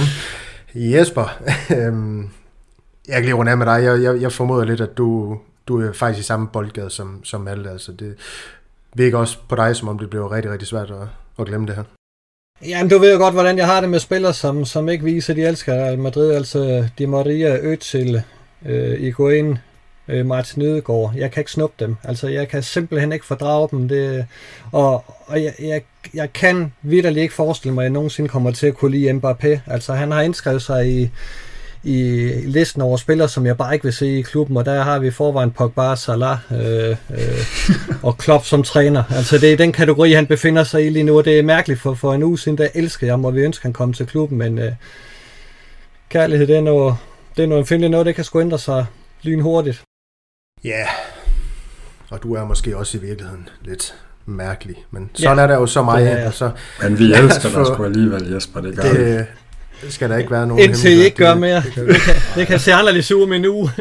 Ubetinget kærlighed ja. til, til podcasten Skammelfar. Vi parkerer den her måske lidt mere generelle snak om den mislykkede transfer om, med Mbappé, øhm, og kigger lidt i krystalkuglen for spændende emner, det er der skam nok af ude i den her fodboldverden. Øhm, jeg har bedt jer om at, at kigge lidt nær, nærmere på det her meget svære emne, for i opgaven skulle I tænke på, på offensive emner, og, og ikke de her spillere som, altså Veo Rüdiger øh, kommer, Fran Garcia blev nævnt, Chouameni, han blev også øh, sat kraftigt, det er faktisk lidt sjovt med Chouameni. I, I sommer misser vi ud på ham, der henter vi Kammervinga, nu misser vi ud på ham igen, og så er det en midtbandspiller igen, der blev rygtet til klubben som, som det næste år. Nå. Vores lytter har, har forholdt os, forholdt os øh, rigtig mange spørgsmål i, i den her genre, og ind med super mange emner. Jeg håber, vi kommer forbi så mange af dem, som, øh, som overhovedet muligt i vores øh, generelle snak her. Øh, jeg har noteret nogle af, nogle af deres øh, bud ned, øh, som jeg nødvendigvis ikke forventer, at I, I selv har med i, i jeres ønsker, hvis I overhovedet har forberedt noget. Det lyder som om, I var i tvivl om, hvad der skulle forberedes til i dag. Men øh, skal vi ikke øh, prøve at, at, at kaste os ud i det, og Niklas, du kan måske få lov til at, at starte med et eller andet. Altså, hvor skal vi starte her? Du, du skal være sportsdirektør. hvad skal Real Madrid gøre? Skal vi gøre noget?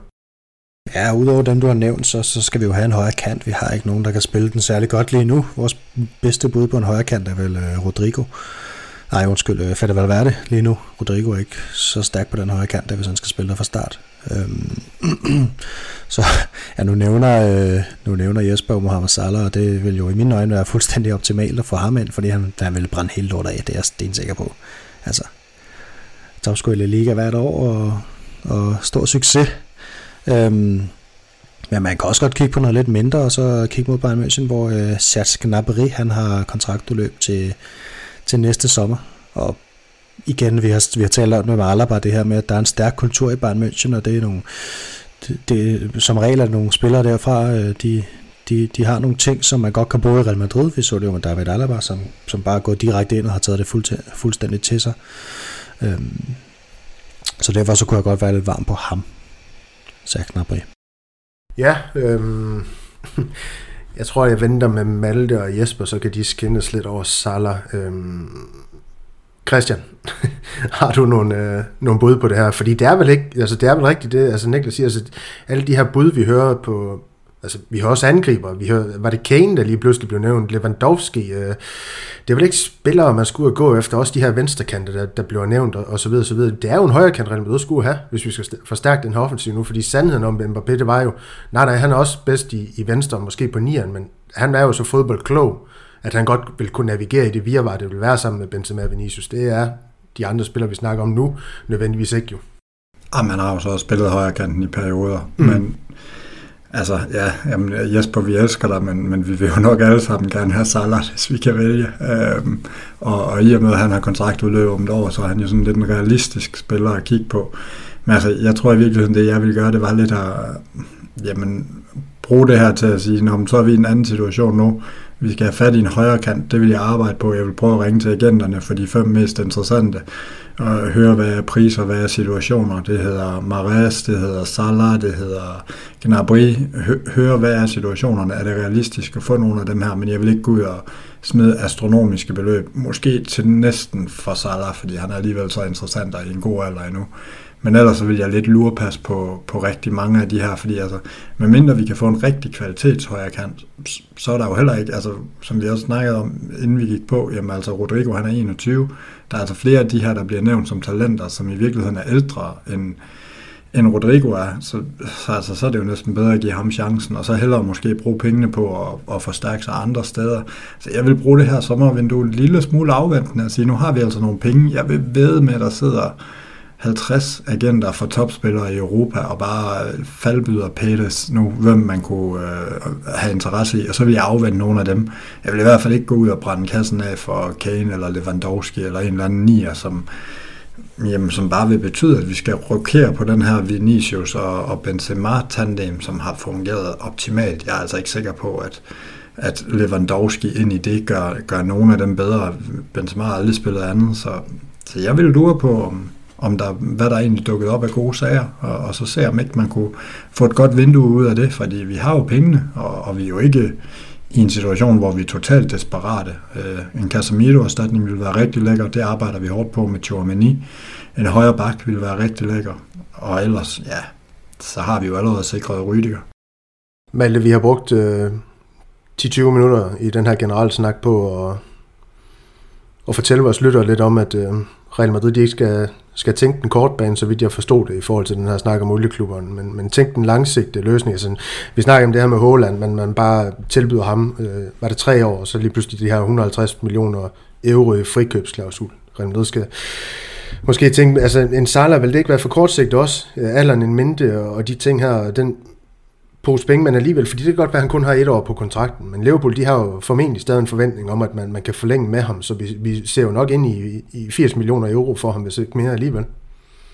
Altså, om de penge, de kunne bruges bedre på noget andet, for eksempel. 80 millioner euro, det giver jeg del med gerne for, for Salah, det vil jeg sige. Øhm, hvis vi bare kan komme under, hvad vi gav for Hazard i sin tid, så vil jeg hjertens gerne tage Salah. Jeg synes ikke, det er, jeg synes ikke, det er for kortsigtet. Altså, han er virkelig en, øh, han er virkelig en god spiller. Jeg, altså, jeg, jeg har det lidt øh, ambivalent ved ham, vil jeg så dog sige. Altså, han er, jeg synes lidt, han har været en diva nogle gange i, i Liverpool, ikke? Og næsten set fornærmet nogle gange, når det ikke er gået så godt, og så har han endelig scoret. Og sådan, men men jeg er egentlig enig med Niklas, altså jeg tror, han vil være rigtig, rigtig stærk til den højre kant. Altså fuldstændig skræddersyet ind, i, ind til det spil der, og jeg tror også, han vil passe fint i spansk fodbold, så altså, jeg, jeg må sige, jeg ser Salah, jeg har lavet, jeg har lavet øh, nogle lister over øh, ja-spillere og nej-spillere og måske-spillere, og Salah, han er på min, øh, på min ja-liste, det er helt sikkert.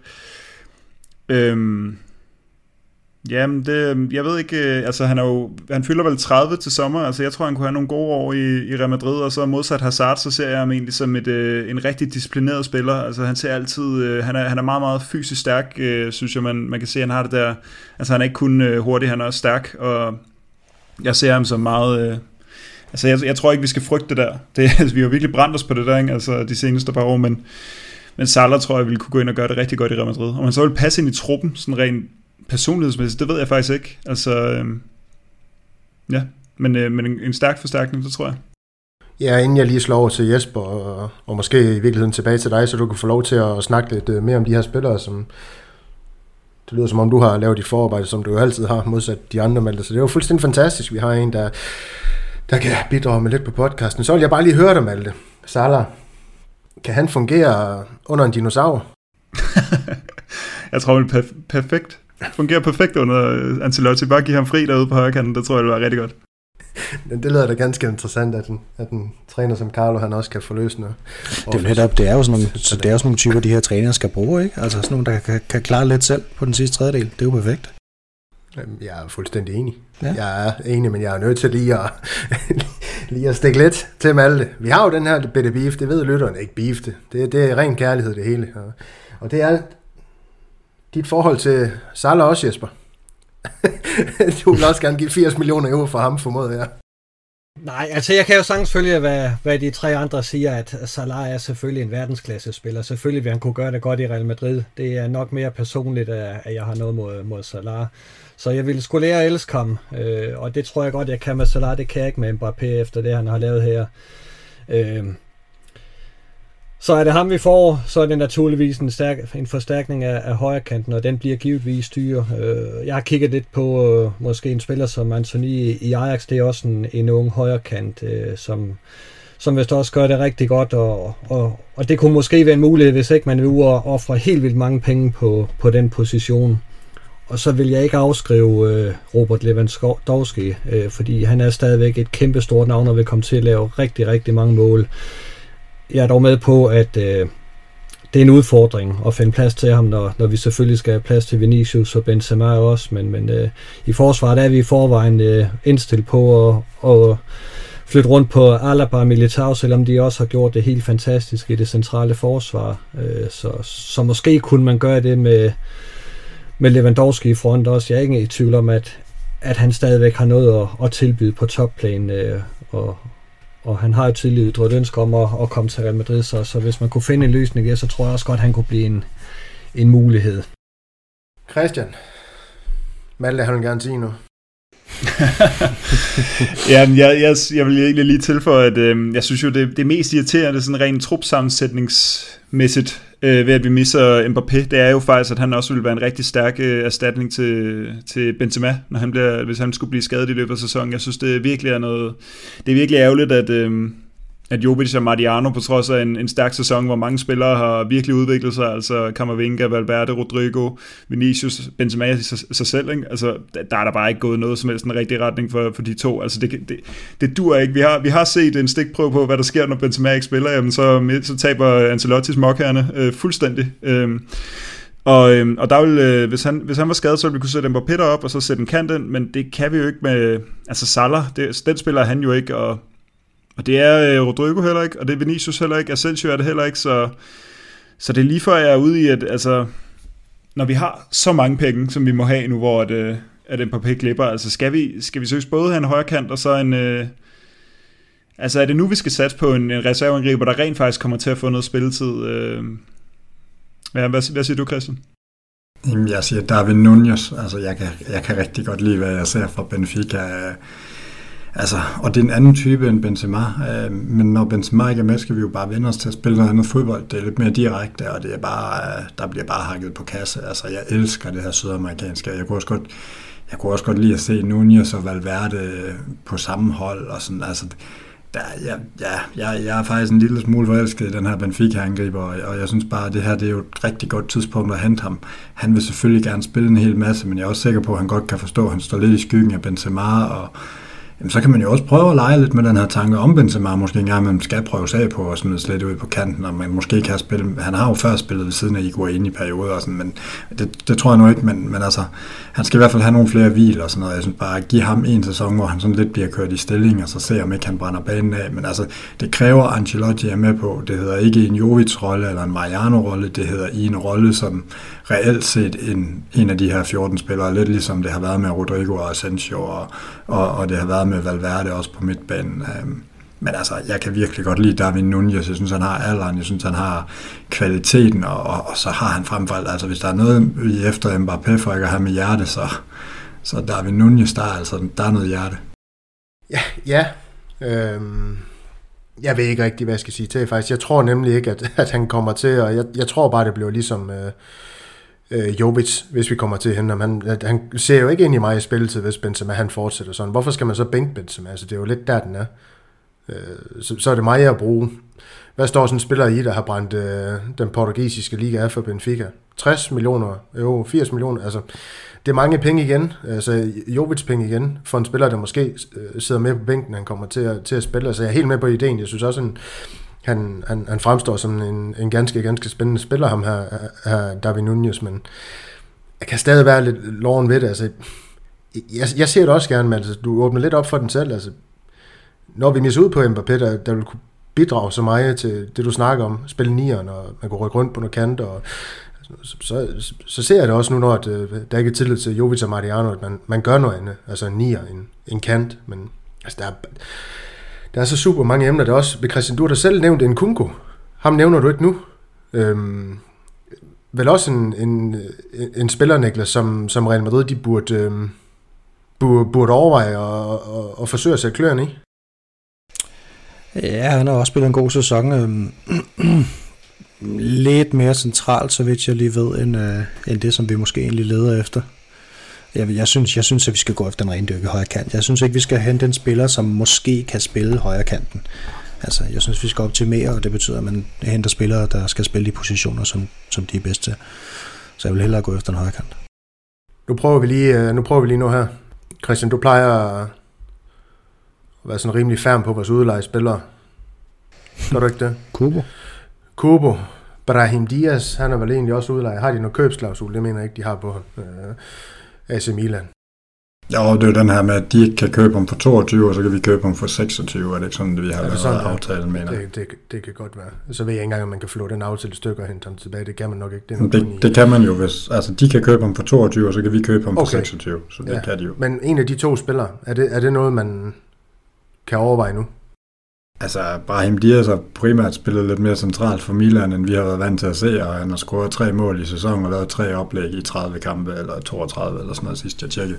Så det, altså, det kan godt være, at han bliver italiensk mester, men jeg tænker jo ikke, det er jo ikke det, er jo ikke det. Altså, det er jo Rafael Leao, der brænder banen af der i offensiven, og, og hvis man skal kigge på nogen, så er det jo det, hvad Brahim Dias efterhånden 2-23. Altså, jeg synes jo ikke, der er noget, der tyder på, at Brahim Dias er bedre end Rodrigo, og det er jo det, vi skal have for øje, når vi snakker alle de her talenter. Det er, Jamen, de er ældre end Rodrigo. Altså, så kan vi da lige så godt gå med vores brasilianske ven, som vi har set. Han er ikke bange i, i de store kampe.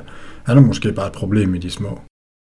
Ja, men øh, ja, med Rodrigo, der er det jo nok også.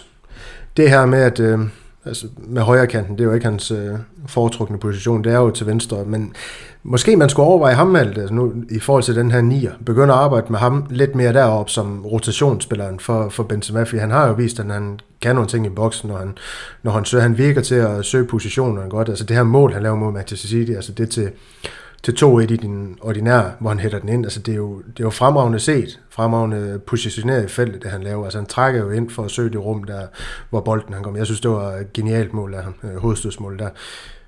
Jesper, har du styr på det, der sker i uh, spansk fodbold? Mm. øhm, det, fordi vi har fået bud ind på, på spillere som, hvad han hedder, øh, Lu- Lucas Ocampos, kan det passe? Øhm, Ja, fra Sevilla. Ja, og en, faktisk en spiller, jeg sådan lidt havde glemt, men jo som vel startede godt for Villarreal. Øh, Ja, det er ja. Pina. ja, Ja. ja, Pino, lige præcis. Ja. Er det emner, som man ser? Altså, Pino, han kunne jo blive det, måske ikke det næste store, men i, i hvert fald øh, noget i offensiven i spansk fodbold. Ja, det kunne han da måske. Øh, jeg tror måske gerne, jeg ville se øh, lidt mere øh, fra ham, inden at, at vi begynder at brænde penge af på ham. Altså, for vi ved godt, spanske spillere, øh, de er dyre at købe. Øh, det, det, er ikke, øh, det er ikke billigt at hente dem til, til Real Madrid, så øh, det er, det, er en, det er en chance at tage, og det, det er også lidt øh, den filosofi, øh, at Pérez og Real Madrid kører med, at, at spanske spillere holder man sig lidt fra, fordi de er, de er bare dyre, og, og man er ikke sikker på, øh, at det for alvor brænder igennem. Altså, jeg vil stadigvæk sige uh, Rodrigo og Asensio. Hvis ikke Asensio vælger at øh, skifte væk nu, så, så står de jo højt på listen stadigvæk, om vi så kan lide dem eller ej. Og jeg synes ikke lige Jeremy eller Lucas Ocampos virker til at være nogen, der bare går ind og, og smadrer dem helt ud på, på tribunen. Øh, altså, så, så stærkt synes jeg heller ikke, de er, at vi skal ud og ofre penge på, på dem. Nej, nej. Det var da også bare spillere, vores lytter havde. Jeg tror også primært, jeg, jeg, jeg, jeg tror primært, at Jan Pino han er nævnt for den her, øh, den her kamp, hvor han laver fire mål tidligere på sæsonen. Øhm, det var mod, det var mod Espanyol, der laver han fire mål og en assist, så vidt jeg husker. Men, men resten af tiden har det jo været lidt på det jævne. Han har kæmpet lidt for spilletiden, og han har været meget skadet og sådan noget. Øhm, jeg, jeg, jeg ser ikke hverken ham eller Lucas øh, Ocampos som, som emner i Real Madrid. Ej, men det er også super fint. Hvad, hvad ser I? Jeg synes ikke rigtigt, vi taler og svarer på, på, på noget som helst. Altså, Leila, han lyder som, som den, I er mest uh, hooked på. Du, øh, du har nævnt øh, Gnabry, Niklas, som, som ham, du ser. Øhm Jamen det, jamen det er jo problemet. Der er jo ikke særlig mange gode højrekanter, Nej, nej, præcis, præcis. men vi skal bruge en. Hvad med ham den anden? Der er også en anden tysker i uh, Bayern, Leroy Sané. Jeg ved godt, at han måske har sit udgangspunkt mere til venstre, men han er vel også en spiller, du kan placere til højre og trække ind i banen. Kontrakter du 2025, måske en lidt, lidt dyrere spiller skal hente. Heller ikke noget, der, der tænder op under panelet, kan jeg godt afsløre. Mm, han er meget, jeg tror også, at det bliver for direkte med ham, altså i forhold til Real Madrid. Han er sådan meget ned mod målet, øh, kant på, på, på ydersiden nu på venstre der. Øhm, og hvis vi skal til at køre ham over i højre, så som jeg ser det, så, øhm, så, så skal han omlægge en masse af sit spil, og han prøvede det jo lidt i City, og gik jo ikke helt så godt, som det gjorde i Bayern München, så det der med, det der med at spillere kan vi også godt flytte over på højre side, nu har han venstrebenet, så han kunne godt trække ind i banen og spille spille højre kanten også. Det synes jeg, vi skal prøve at holde os fra. Så, altså, fordi det kan vi, det synes jeg også i virkeligheden, men det er bare ikke særlig godt. Det kan Rodrigo også, det er bare ikke særlig godt.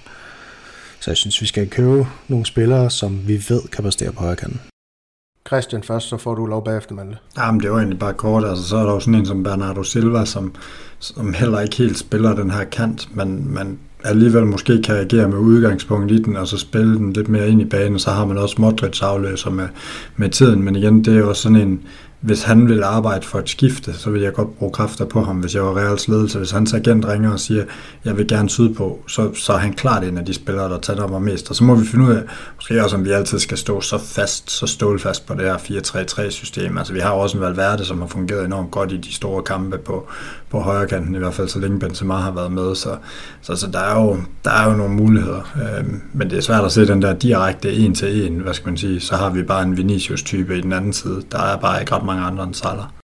Nej, fordi det er jo det, der er problemet. Ikke? Altså de her, der, det kan godt være, at vi sidder og snakker om, at der er nogle spillere, der måske kunne være gode køb. Altså Rafinha, Anthony, Gnabry og sådan noget. Ikke? Men der er, jo, der er jo rigtig mange spillere af de, af de her spillere, som, hvor klubberne vil jo se dem som kæmpe store salgsobjekter. Altså Ajax sidder jo og kigger på Anthony som sådan en, der bare skal være det, helt, det næste helt store salg. Altså ham, får, altså ham får vi da ikke billigt overhovedet.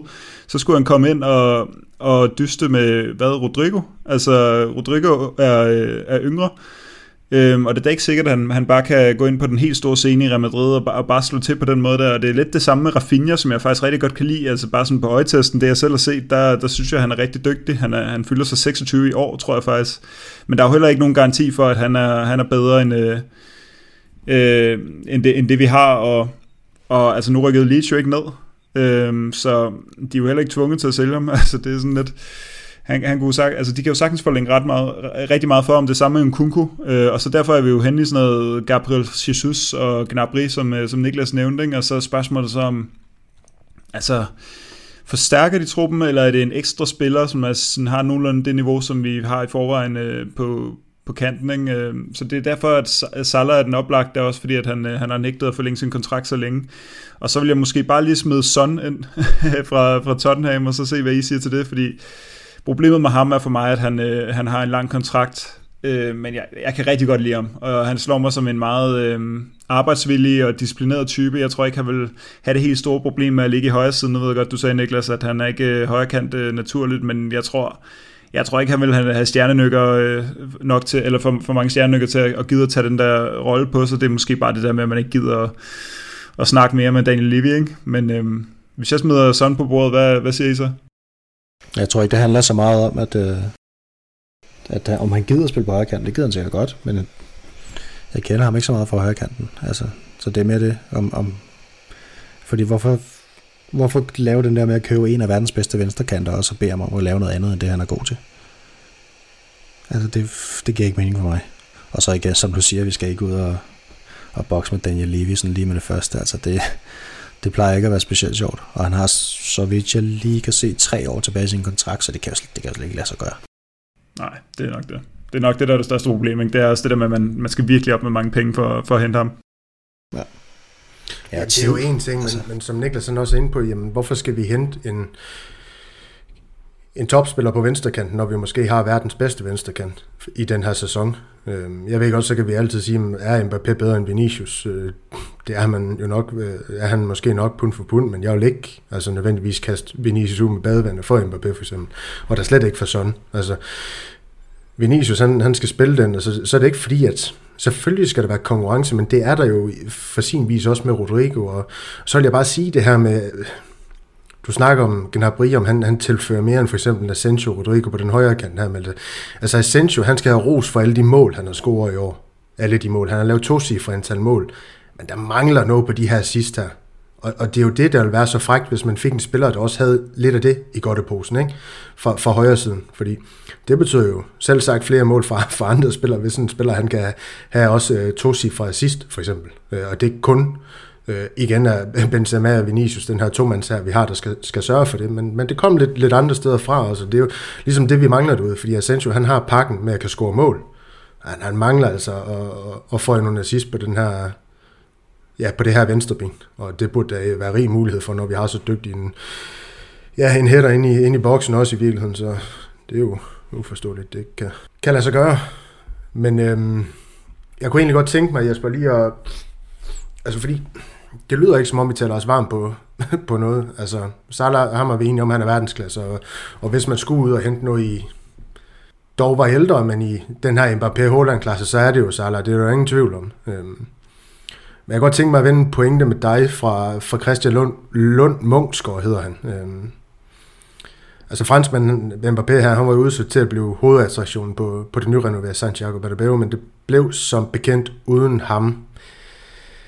Altså er der en lille frygt i dig, Jesper, om at, øh, at vi kommer til at se Pettis altså lave nogle mindre velovervejede altså impulskøb i, i det, man måske godt kan kalde stjerneklasse. Du har selv nævnt Lewandowski, og det er det, han, altså ham her Christian, han byder ind med, som et af skrækscenarierne, og, og Pogba for eksempel. Altså, er det sådan noget, vi kan komme til at se nu? Fordi at, altså, vi sidder jo også her, er, er lidt, synes jeg, rødvild over, hvad der skal ske. Altså, vi kan altid sige, hvor vi skal forstærke sende, men når vi ikke kan sætte, altså blive enige om, om et navn, eller navne,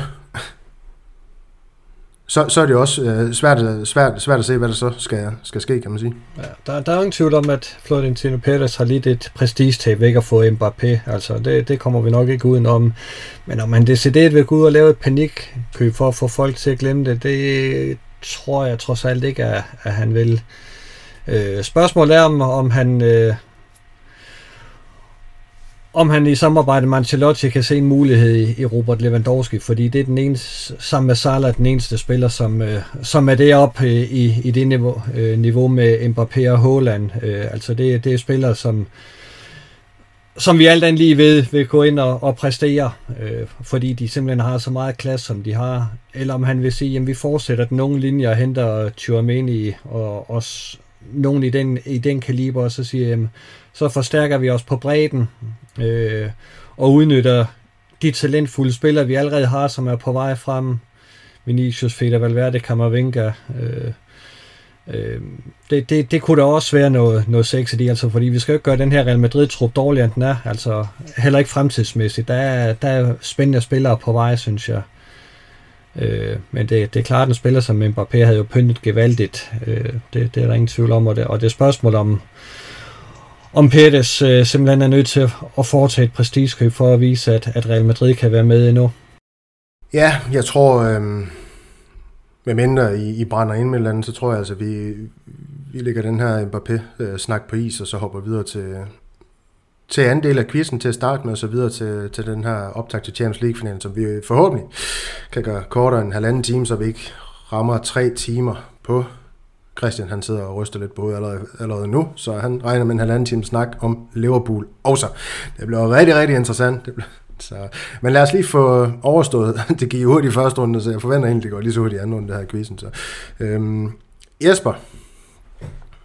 Nummer 9. Nå, Hvem der du skal starte? starte? Ja, nej, jeg nej, du, øh, du tager den bare selv. Ja, Den er nummer 9. Lad os komme, lad os Ja, komme derud af. Aggressiv. Ja. Øhm, Benzema har scoret 27 mål i La Liga. Vinicius Junior har scoret 17 mål i La Liga. Asensio har scoret 10 mål i La Liga. Der er også en Real Madrid-spiller, der har scoret 4 mål, som den fjerde mest scorende i La Liga. Altså for Real Madrid. Hvem er det? Ja, det er jo, det er jo et godt spørgsmål. Øh, fire mål. Mm, det var sgu, den var, den var værre. Hvad fanden har været? Øh,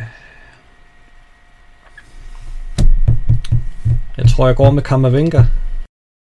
Det var, det var ganske forkert. Du skulle have gået med Rodrigo. Han har virkelig lavet så mange, jeg synes skulle uh, mest af. Nå. Du, øh, du spørger, om han har lavet så mange. Ja, han har lavet fire øh, mål i La Liga. Så. Ja, jeg har slet ikke ret med, at han er, var nået så højt op, øh, fordi jeg Nej, synes nej, mere, det, han, er øh, selvfølgelig, det er selvfølgelig han en var mere er Champions. League-spiller. Nå, Niklas, du kan få lov til at vælge et nummer. Øh, 12, tror jeg, er frit. Ja, ellers så skal jeg nok sige, hvis det ikke er. Det er ligesom, Yes. vi kommer til at gøre det. Og det er det. Fedt. Hvilke tre spillere med over 30 kampe i La Liga for Real Madrid har den bedste rating via Hurescoret i La Liga? Øh, og så skal man kigge på deres latterlige øh, kriterier. Jeg vil, du jeg får vil lige to på, minutter øh, til at gøre det. Ja. Ej, jeg vil tro på, at øh, jeg, vil, jeg vil skyde på, at Benzema er den ene. Benzema, han er der. Og han så også tror jeg, så, så, så, så bør Vinicius vel også være der. Med, med de driblinger og de mål og assist, han lagt for dagen, ja. Ja, og så den sidste. Det burde jo være Courtois, det er det sikkert ikke. De har det ikke med at score ret højt målmand på. hva'? Nej, det er det. Der er deres problem. Prøv at spørge Malte, hvem der er den sidste. Det var den Eho. sidste, det... Ja. Øhm, så siger vi... Så, så, så er det enten... Så tror jeg, skulle jeg sige David Alaba på den. Det var tæt på.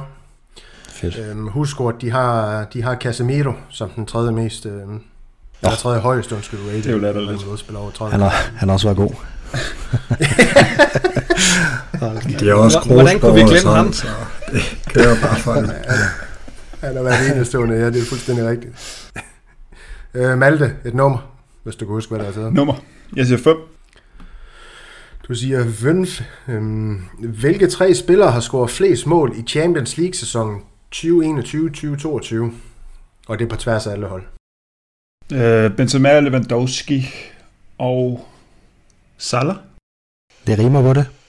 Ja, det rimer nemlig på det. Det er Haller, Nej. angriberen for... Er det ikke Ajax? Ja. Nå ja, for pokker. Så. Jeg var næsten ved at give dig den, fordi udtalelsen den lå om, men øh, du får den heller ikke, men du får den heller ikke. Så. Øhm, Christian, det efterlader dig. Jeg tager nummer et. Den tænker jeg ikke, jeg taget. Det er den heller ikke. okay. Det her, det er random. Tre Villarreal-spillere. tre, tre Villarreal-spillere topper listen over flest tilbagelagte kilometer i Champions League-sæsonen 2021-2022. Du skal bare fortælle mig, hvem. Sådan. Jamen, tak for det. det altså, jamen, Jeg vil gerne have et bud, hvis ikke du kan nogen. spillere. åh, den har du siddet og hygget dig med, når du lavede, var. Du har tænkt et eller andet nærs i quiz, og så er du gået fra det undervejs, fordi det blev for svært. Øh, jamen, Gerard Moreno og... Jamen, jeg ved snart ikke. Pino og... Nej, han har ikke spillet nok. Jamen, jeg er helt ude. Det er jo, det er jo lige meget Raul Albiol. Altså, det er jo fuldstændig underordnet, det her. Det er jo... Det er jo nogen vil jo sige et komplot, det her. Det, Er Trigettos ikke en af dem?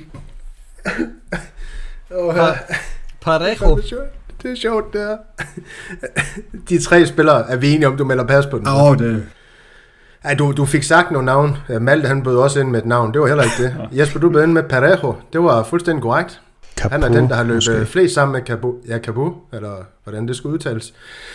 Jens Spiller Fallesen, han havde et stort øje til i det program, der hedder Kant på TV2 Play. jamen, så, Og så har vi, øh, ja, så har vi Pau Torres, ganske overraskende, på en, på en tredje plads her, for Villarreal. Men Christian, godt forsøg. 0 point på kontoen. Jeg, jeg, jeg, jeg ved slet ikke, hvad vi skal gøre i sidste runde. Nej, jeg tænker, der er noget med sværhedsgrad af quizzen, som... altså, jeg vil bare lige skyde ind. Men så lad os øh, hoppe videre efter endnu en blamage i den her quiz, og videre til noget, der forhåbentlig ikke bliver en blamage, nemlig Real Madrid's Champions League-final mod Liverpool. Vi starter, ja, vi starter den her snak ud med et par indledende spørgsmål, som jeg har forsøgt at forberede på forhånd til jer alle sammen. Det blev ikke lige så svært som det quizspørgsmål, som Christian han sluttede af med. Og herefter der er planen lidt, at vi dykker mere ned i de spændende ting, som der også øh, er om den her kamp, såsom debatten om for eksempel Rodrigo Valverde. Niklas han har faktisk allerede breaket holdopstillingen for os. Den kom i dag. Er der ikke noget med det, Niklas? Jo, vi er tidligt ude. Det plejer vi jo at være, men fem døgn er lige overkanten. Og, og, og der har de Valverde som, som højre kant, men det kan vi jo se, om panelet her de er enige i, når vi kommer dertil. Vi skal også kigge lidt på nøgleduellerne i kampen mod Liverpool, og så er der også lidt lytters spørgsmål. Det hele det runder vi så er med at sammensætte en kombineret 11 mellem de to hold og et bud på kampens resultat. Malte, du har jo et mærkværdigt for, forhold til koncepttræner, så det, du, du får et spørgsmål om Liverpool, Malte. Ja, skønt. Ja, altså vi... Øhm... Hvem har løbet mest siden 1980? det er ikke Mølby. Nej, det er ikke, det er ikke så svært som så, men altså, det, det er mere det her med, altså, vi var favoritter i 2018, det, det mener det er, det er ganske rimeligt at, at sige. Det var i hvert fald sådan, min fornemmelse var. Øhm, og Liverpool må vel også stå med en lille favoritværdighed til den her finale, selvom de ikke er villige til at påtage sig den. Klopp er i hvert fald ikke. Men hvordan ser du Liverpool har forandret sig over de her fire år, der er gået? Altså, hvor er de blevet bedre, hvis de der overhovedet er blevet bedre øh, siden 2018? Øh, jeg, jeg har selvfølgelig svært ved lige at sige øh, præcis, hvilke aspekter i spillet, der har udviklet sig. Det, der skal man nok snakke med Liverpool-fan, men altså, når man ser Liverpool spille imod klubber, så smadrer de dem jo bare. Altså, de har jo, både, de har jo smadret øh, United. Altså, det er jo ikke lang tid siden, de bare smadrede dem fuldstændig 4-0, og det har man jo set så ofte. Det er faktisk heller ikke så lang tid siden, de bare fuldstændig udklasseret øh, Manchester City, og så tror jeg så, at de endte med at få 3-2, ikke? men de, de førte 3-0. Altså, det er jo bare det der power der, der kommer, altså de kommer med, det er jo, det er jo, øh, det, det tror jeg kan være, øh, altså det handler om for Real Madrid at komme igennem de første 15-20 minutter, øh, altså helskinnet, og så, altså jeg tror Lovren, Dejan, Dejan Lovren, øh, hvis man kan huske ham, kroaten der, jeg tror han spillede ind i finalen i 2018, der har de altså fået noget, der er bedre, både øh, andet og tredje valget, både Matip og, og Konaté, ikke? så øh, og, og så har de været i en finale siden. De har vundet øh, Premier League siden. Altså, de har, de, har, de har været på den store scene i, i længere tid, og og de får utrolig mange point i Premier League. Øh, der er ikke mange... Øh, der er ikke mange Premier League-fans, der gider at vedkende sig det, men øh, dengang, at alle de kritiserede spansk fodbold for at være elendig, fordi at øh, Barcelona og Real Madrid smadrede en modstand, der var det jo selvfølgelig bare ifølge dem, fordi at øh, de spanske klubber var dårlige. Ikke? Altså nu kan man jo bare se, at Liverpool og City de smadrer alle deres, øh, deres modstandere i Premier League, og det er altså ikke fordi, at Premier League er svag. Det er fordi Liverpool og City er rigtig gode, og øh, det kommer vi til at have vores hyr med. Altså vi... Øh, vi kommer med noget andet, som øh, Liverpool burde øh, frygte. Altså, vi kommer med nogle spillere, der, der øh, altså, kommer helt ro, har helt ro, ro i, øh, i hovedet og i sindet. Ikke? Altså Casemiro og Modric og Kroos på midten. Altså, når de først får taget, og det er jo så det, vi skal håbe, der skal ske, ikke? det er, når vi først får taget, så, så kan vi stadig godt øh, spille, øh, spille imod det her hold, men når du siger, øh, hvordan de er blevet bedre, altså jeg, jeg tror bare, jeg, jeg frygter jo det der, det der helt vilde pres, de kommer med, og når de så samtidig ikke øh, er benovet over at stå i finalen, altså, så, og de tror på sig selv på den måde der, det, det er jo en forbedring i, for, i forhold til 2018, hvor de, hvor de stod der for første gang i, i en del år. Ikke? Så erfaring og rutine, det er måske i virkeligheden nøgleordene her på, på det, der også er undergået Liverpool i, i de fire år. Øhm, Udover selvfølgelig Klopp, han har fået nogle forstærkninger til holdet også. Øhm, og de mægtige hold, de har slået på deres vej til Champions League-finalen, det er Inter Milan, det er Benfica, og det er Villarreal. Det er selvfølgelig den sværeste af de to veje. Real Madrid de gik, øh, gik nem vej gennem PSG, øh, dernæst Chelsea, og så til sidst Manchester City. Så det skal jo blive spændende at se, hvordan det kommer til at udarte sig i finalen mod Liverpool. Niklas, vågn op. Er Real Madrid en øh, ring og udgave af sig selv, hvis vi spoler tiden tilbage til 2018? Øh, og hvilke styrker skal vi forsøge at spille på, hvis vi skal stække det her Liverpool-mandskab på lørdag? Som vi jo ja, skal. Ja, det skal vi jo. Øhm, ja, styrkeforholdet er i hvert fald skiftet imellem de to. Øh, vi kommer også fra en rimelig skidt sæson i, i ligaen, så vidt jeg husker i 18.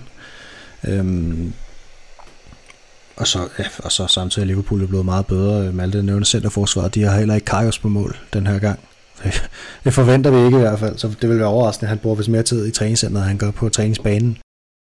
Benzema han har jo med at udøve sit uh, black magic med de her mål, men uh, alligevel, så det kan jo være det samme, hvem der ja, ja, og han laver også fejl, Alisson, altså det har han gjort for nyligt. Mm. De her uh, fejl, som Benzema han har været så god til uden i Champions League, dem, dem har han også lavet.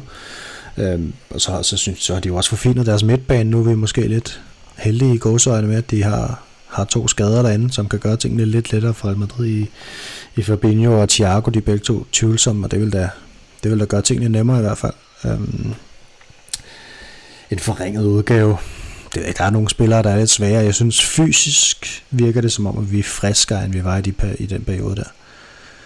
Altså, det, jeg synes, der på det tidspunkt, og det kan jo lyde øh, mærkeligt, men i de Champions League-finaler der på nær 17, altså det var, det, jeg synes altid, det var sådan, at Cristiano Ronaldo han rendte var skadet, og ikke rigtig deltog specielt meget, øhm, udover den i 17 selvfølgelig jeg synes, det virker som om holdet er sat godt op fysisk til den her fodboldkamp her, og det virker ikke som om, der er spillere, der kommer ind med små skavanker på nær, måske lige David Alaba.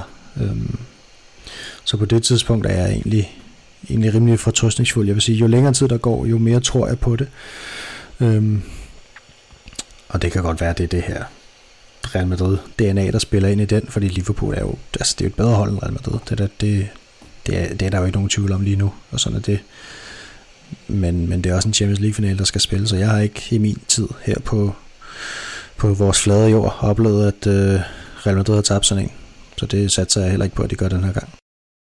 Men er det, er det med rimelighed at postulere, at øh, Real Madrids, øh, hvad kan vi kalde den, hold, hold on, harmoni i truppen, øh, hvad kan man kalde det, den synergi, jeg, jeg påstår, der er mellem spillerne, de virker til at have det skide godt sammen, altså den er bedre end det, vi så i 2018, og det er det Real Madrid, de skal, skal bære sejren hjem på mod Liverpool, Niklas. Ja, det er en del af det i hvert fald. vi så dem jo også stå sammen her i weekenden rigtig, øh, markere sig på sociale medier, da, da den her handel, vi lige har talt om, den glippede. Der var rigtig mange, der var med lød, øhm, hvor stort det var at spille for Real Madrid, og, og det tror jeg også er en faktor, og så også bare den der med, at, at det er Real Madrid i Champions League, og det virker som om, for hver evig eneste kamp, der bliver spillet, der bliver den der fortælling om, hvor skræmmende Real Madrid er i Champions League, den bliver bare forstærket, og, og især den her sæson. Øhm, men som alle siger, vi skal undgå at komme bagud alt for tidligt mod det hold her, fordi de, det er jo ikke sådan nogen, der lige trækker sig tilbage, når først de kommer foran, altså så smadrer de bare igennem. Ja, lige præcis, øh, Christian, inden jeg lige... Øh, du havde noget, du måske gerne ville øh, knytte en kommentar på? Nej, det var egentlig bare lidt i forlængelse med noget af det Niklas som Malte sagde, så lad os bare gå videre, ja. så tager den bare løbende. Okay, det er fint nok, øh, fordi at, øh, og det, jeg skulle måske nok have stillet det første spørgsmål til dig, Christian, så Malte han kunne få lov til at udfolde den her. Men trænerduellen, den får du simpelthen lov til at sætte lidt øh, indledende ord på. Karl over for Klopp, dinosauren over for mestertræneren, eller koncepttræneren, den moderne træner, kald ham hvad I vil. Hvem ser du stå stærkest i, i duellen på sidelinjen, og ja, hvem kan i virkeligheden ændre mest via klubbens øh, reserver på bænken, som du ser det?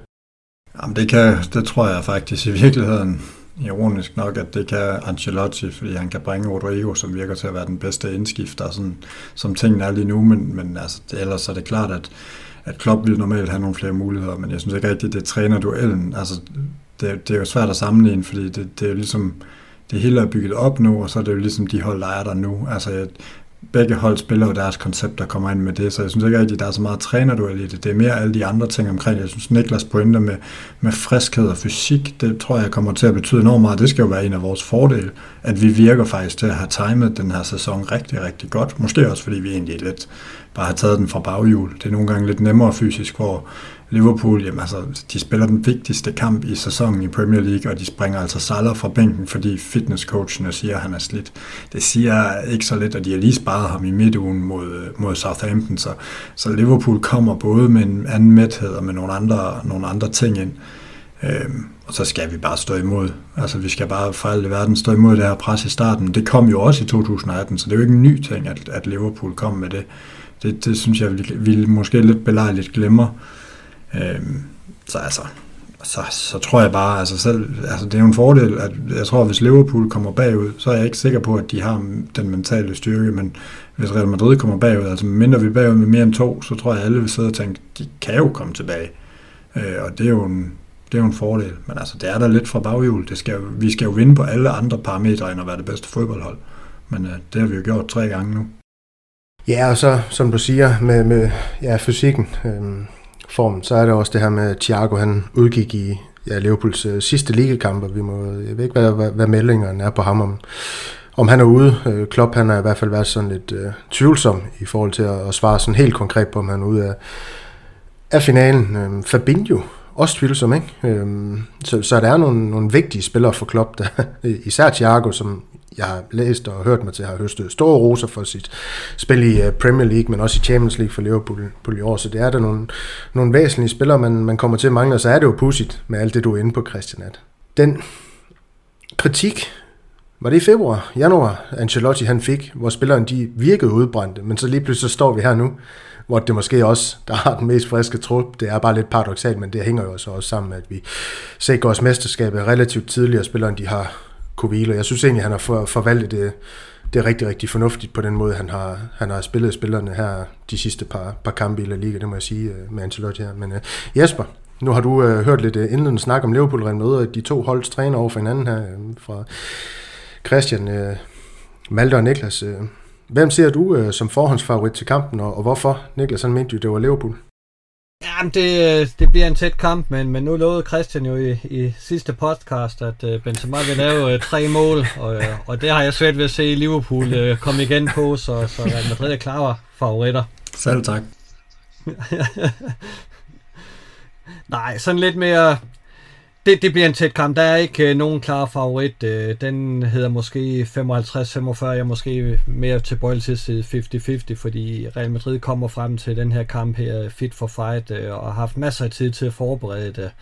Mens øh, Liverpool øh, dels har kæmpet lidt med skader, dels har været igennem et hårdt program her i, i op til, til finalen. Så, så Real Madrid har en, en klar fordel på, på at, at være fit for fighter og på, på den rutine, der ligger i, i klubbens DNA øh, DNA øh, til de her Champions League-finaler. Der er den der indre ro på øh, klubbens øh, linjer, øh, hvor, hvor alle simpelthen er afslappet omkring de her Champions League-finaler. Det tror jeg er en kæmpe psykologisk fordel, øh, som, som Real Madrid kan gøre, kan brug af.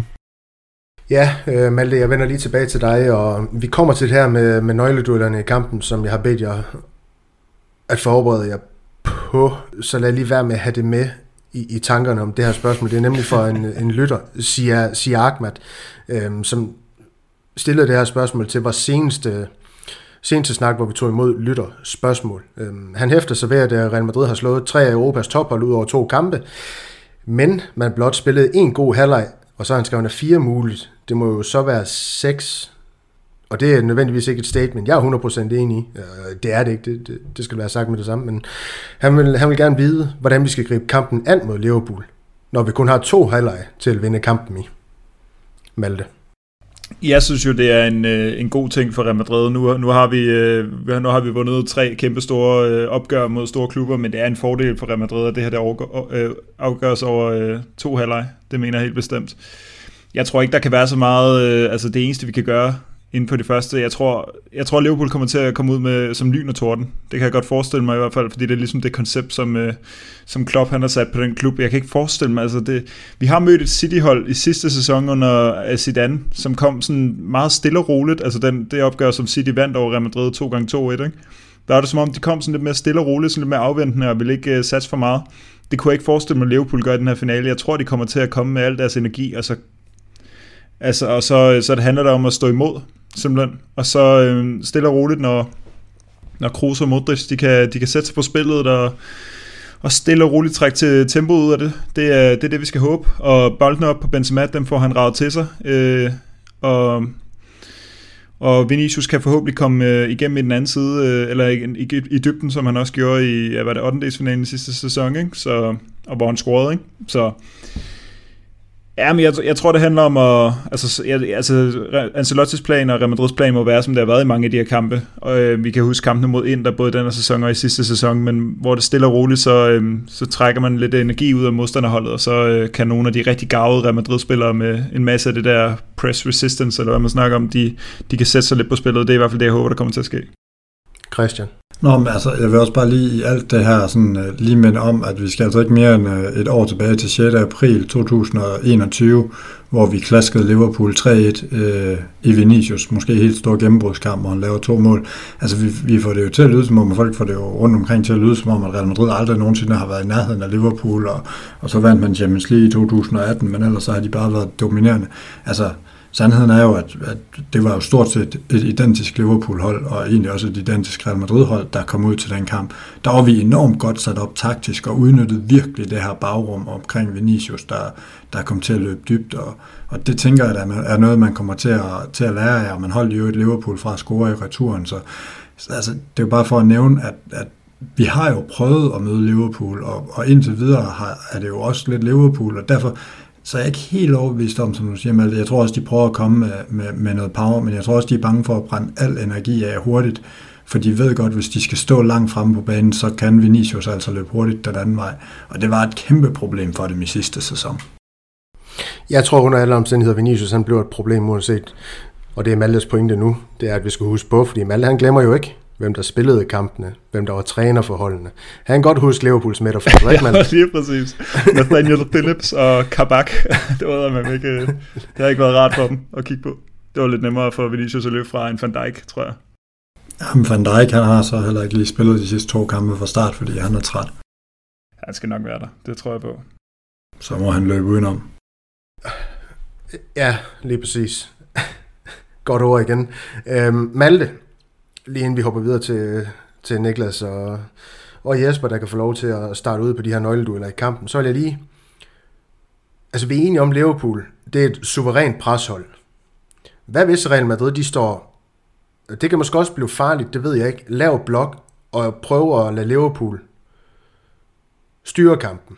Hvad, altså, hvordan er Liverpools udtryk så? Altså, kan du følge mig lidt, hvor jeg vil hen? Altså, hvis vi prøver at, at spille på det, der måske er Liverpools største svagheder, frem for at, at, at forsøge at spille bolden op og så blive brudt, hvor de øh, er rigtig, rigtig farlige, men i stedet for selv satse på de her omstillinger?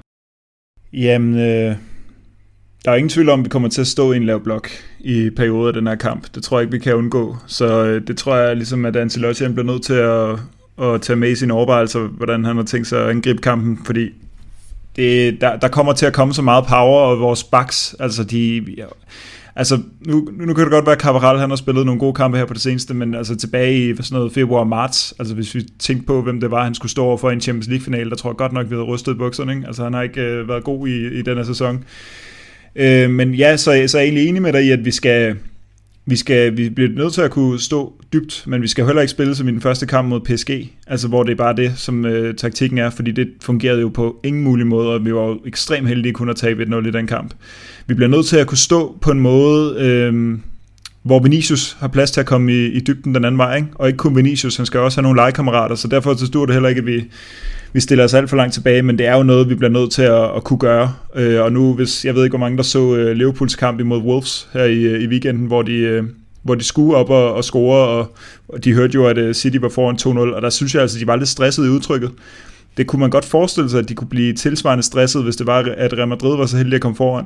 Fordi det var, øh, der synes jeg, altså især når man har set Real Madrid så mange gange under Zidane og Ancelotti, kom bagud i en kamp, der, der har det ligesom altid været det her med, at jamen, vi spiller med tålmodighed, og vi øh, stresser ikke øh, sådan unødigt. Så kan det godt være, at det nogle gange ikke er gået godt, især under nogle af de der virkelig kedelige sæsoner øh, efter Ronaldos afsked, ikke? Men, men generelt synes jeg, at Real Madrid har været gode til ligesom at, Altså, vi er jo kendt for at lave de her comebacks, ikke? Der, øh, der synes jeg, at man kunne se forskellen for Liverpool, hvor de virkelig stressede, og boldene blev hakket ind og blev sparket på mål fra alle mulige øh, steder på, på banen. Så jeg tror, hvis Real Madrid kan holde øh, hovedet koldt, og ikke, øh, ja, ikke komme bagud, altså det, og det, det gør vi jo kun, hvis vi, hvis vi stiller os lidt ned i perioder, fordi vi skal ikke ud og løbe alt for meget i begge retninger mod det her Liverpool-hold, det tror jeg ikke på. Men jeg vil allerede gerne nu lægge hovedet på blokken og, og sige, postulere, kald det hvad du vil, at Cavaral han kommer til at have en af sine vintage kampe mod Liverpool. Jeg tror, han har logget ind, eller jeg er overbevist om, han har logget ind. Jeg tror, vi kommer til at se en ganske, ganske stor kamp for, for Dani Carvaral, som Niklas han jo godt kan lide. at kalde ham, og det er jo også det, han hedder, så det er jo fuldstændig fantastisk, Niklas. Niklas, kan du ikke uh, åbne op for, for det, du mener? Jeg har kun bedt jer om at kigge på nøgleduellen, så det, du mener, der bliver nøgleduellen i den her kamp. Ja, her vil man måske typisk sige midtbanen, men nu går vi lige ud fra, at Thiago og Fabinho de ikke er med, og så har Real Madrid vundet midtbaneduellen øh, uden de store kvaler. Øhm, så har de jo en bak i Trent Alexander-Arnold, øhm, Liverpool, som, som måske er den bedste position, men som som jeg, jeg synes mangler noget defensivt. Øhm, og der kan Vinicius altså sagtens udnytte det der. Han er et, vi så mod, mod City med Carl Walker, der hvor Carl Walker han var nogenlunde frisk i første halvleg, inden han blev skadet i, det, i returkamp. At det, at det, det kunne han ikke rigtig, Vinicius. Der havde han det meget, meget svært. Øhm, og fordi han var så solid defensivt, og han var så ekstremt hurtig og, og, og brøl stærk, men, men hos Trent, han har nogle helt andre prioriteter. Han er øh, meget mere offensiv og efterlader et stort rum. Jamen, så hvis man på en eller anden måde kan få lukket ham væk derudefra, ligesom man gjorde det i, den, i sidste sæson, hvor at, øh, Vinicius han blev kørt i dybden der, så tror jeg, at det kan blive en, altså vil det blive en stor fordel for Real Madrid selvfølgelig. Øhm, fordi når Vinicius han har en god kamp, så øh, har Real Madrid det typisk også, og det er nok ikke tilfældigt. Han, han er jo ikke til at have mere at gøre, når først han får tur i den. Øh, og vi ved, at han har perioder i en kamp, hvor han fuldstændig ødelægger sine modstandere, og dem, dem skal han så bare huske at have med her. Øhm, så det tror jeg vel det, jeg siger. Man kan måske sige den, den side i det hele taget. Fordi så gælder det jo om for Falamandi at øh, holde styr på Mohamed Salah op i den anden ende. Og så hvis vores venstre side fungerer, så, så tænker jeg, at vi vinder den kamp der. Ja, fine betragtninger. Jeg snakkede med min genbo i dag. Han er Liverpool-fan. Jeg spurgte om han, og i dag det er så mandag, hvor vi sidder op til, I lytter til det her onsdag lytter. Om han havde øh, købt ind til gravøl i forhold til kampen øh, lørdag, det øh, grinte han så åbenbart af. Men hans pointe, og det han sagde, det var også med Trent Alexander-Arnold, han er rigtig, rigtig giftig i, i det fremadrettede spil, men defensivt, sagde han, øh, ham brasilianeren der, var det han kaldte ham, han kaldte ham ikke Vinicius, men ham brasilianeren der, ham var han godt nok nervøs for, over for Trent, Trent Alexander-Arnold, fordi jeg, jeg tror også, han kommer til at forvolde Ja, englænderne ganske, ganske store kvaler. Altså Vinicius, han virker til at have, have, have ramt den lige i rumpetten i de her store kampe. Jeg ved godt, at der var noget med Kyle Walker, han holdt ham i skak og sådan noget her, men han, han kørte jo også bare Kyle Walker og, og træt, fordi han var på, på de her måske 75-80 procent øh, i, i den kamp mod Manchester City. Men, øh, men Jesper, du skal også have lov til at, at pakke din øh, nøgleduel ud for vores lytter. Jeg vil sige, øh, nu har, har Militao været lidt, øh, lidt shaky de, de sidste par kampe her. Jeg vil, øh, vil sige, at det er vigtigt, at Real Madrids øh, defensiv kommer til at stå ordentligt, fordi Liverpool de har nogle, nogle giftige og hurtige angriber i, i Mané og Salah og de Jota og Luis Diaz. Og, så det er vigtigt, at, at der er styr på defensiven. Øh, så, så tror jeg, at vi kan, at vi langsomt kan æde os ind på Liverpool og, og, og sikre os en sejr. Men, men kommer vi til at se for shaky ud, så er jeg bange for, at det, det kan påvirke hele holdet, øh, og, og så kan det godt falde sammen. Så, så en, en god defensiv, der, der, der kan stå distancen mod, mod det her Liverpool-hold, det, det vil være en vigtig vej øh, mod, mod en samlet sejr. Men når vi kigger på de sidste fire kampe i La Liga, så er du vel ikke nervøs for, at Militao han ser shaky ud? Så ved du det. så, er jeg, så er jeg slet ikke i tvivl. Han, han må godt spille sig lidt op. Øh, han har, har stået stærkere, end han har gjort i de sidste kampe, og det håber jeg, at han kan finde frem igen. Øh, og så selvfølgelig, at Alaba er fuldstændig klar til, til kamp, fordi han er også vigtig at have med. Ja, og, og, og, og han kommer med. Det var det, Ancelotti han har sagt. Han kommer 100% til at, til at spille den her, her finale. Jeg, det, det er vel også det, der var med Betis kamp. Det kan godt være, at man snakker om, at jamen, han, han fik et tilbagefald, men jeg tror egentlig i virkeligheden bare, det handler om, at man sparede ham. Så kan det godt være, at han har sagt, at der er lige lidt, der stadig lige kniber, men for at, øh, for at øh, holde ham 100% klar til den her final, hvor han selvfølgelig bliver instrumental for, for defensiven, det, øh, det er jo klart.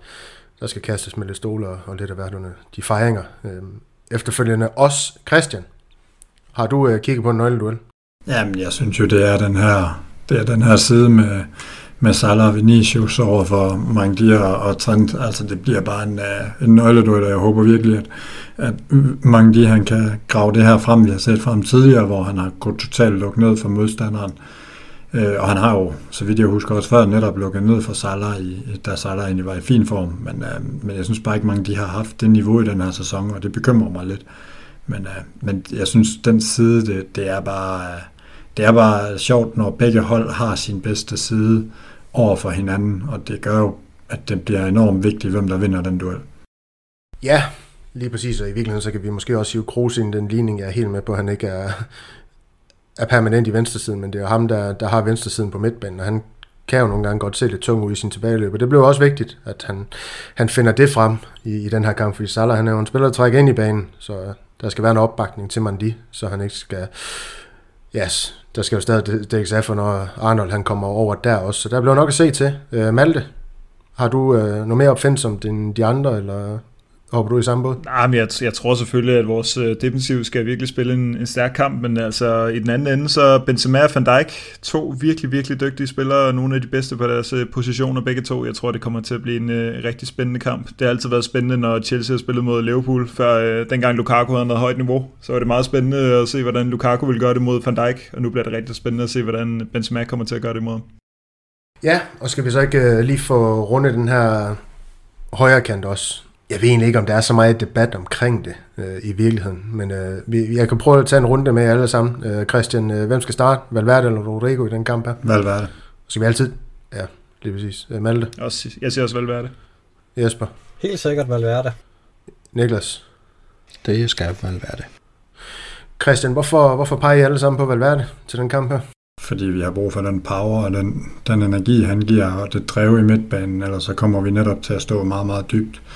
Og øh, så synes jeg også, det er en vigtig ting, at Rodrigo han kan ændre kampen. Det kan jeg ikke rigtig se, Valverde kan fra, fra, fra bænken helt på samme måde. Så det handler jo også om nogle gange at tænke lidt længere frem i kampen, at der kan Rodrigo have nogle funktioner, som jeg ikke helt ser Valverde have helt på samme måde.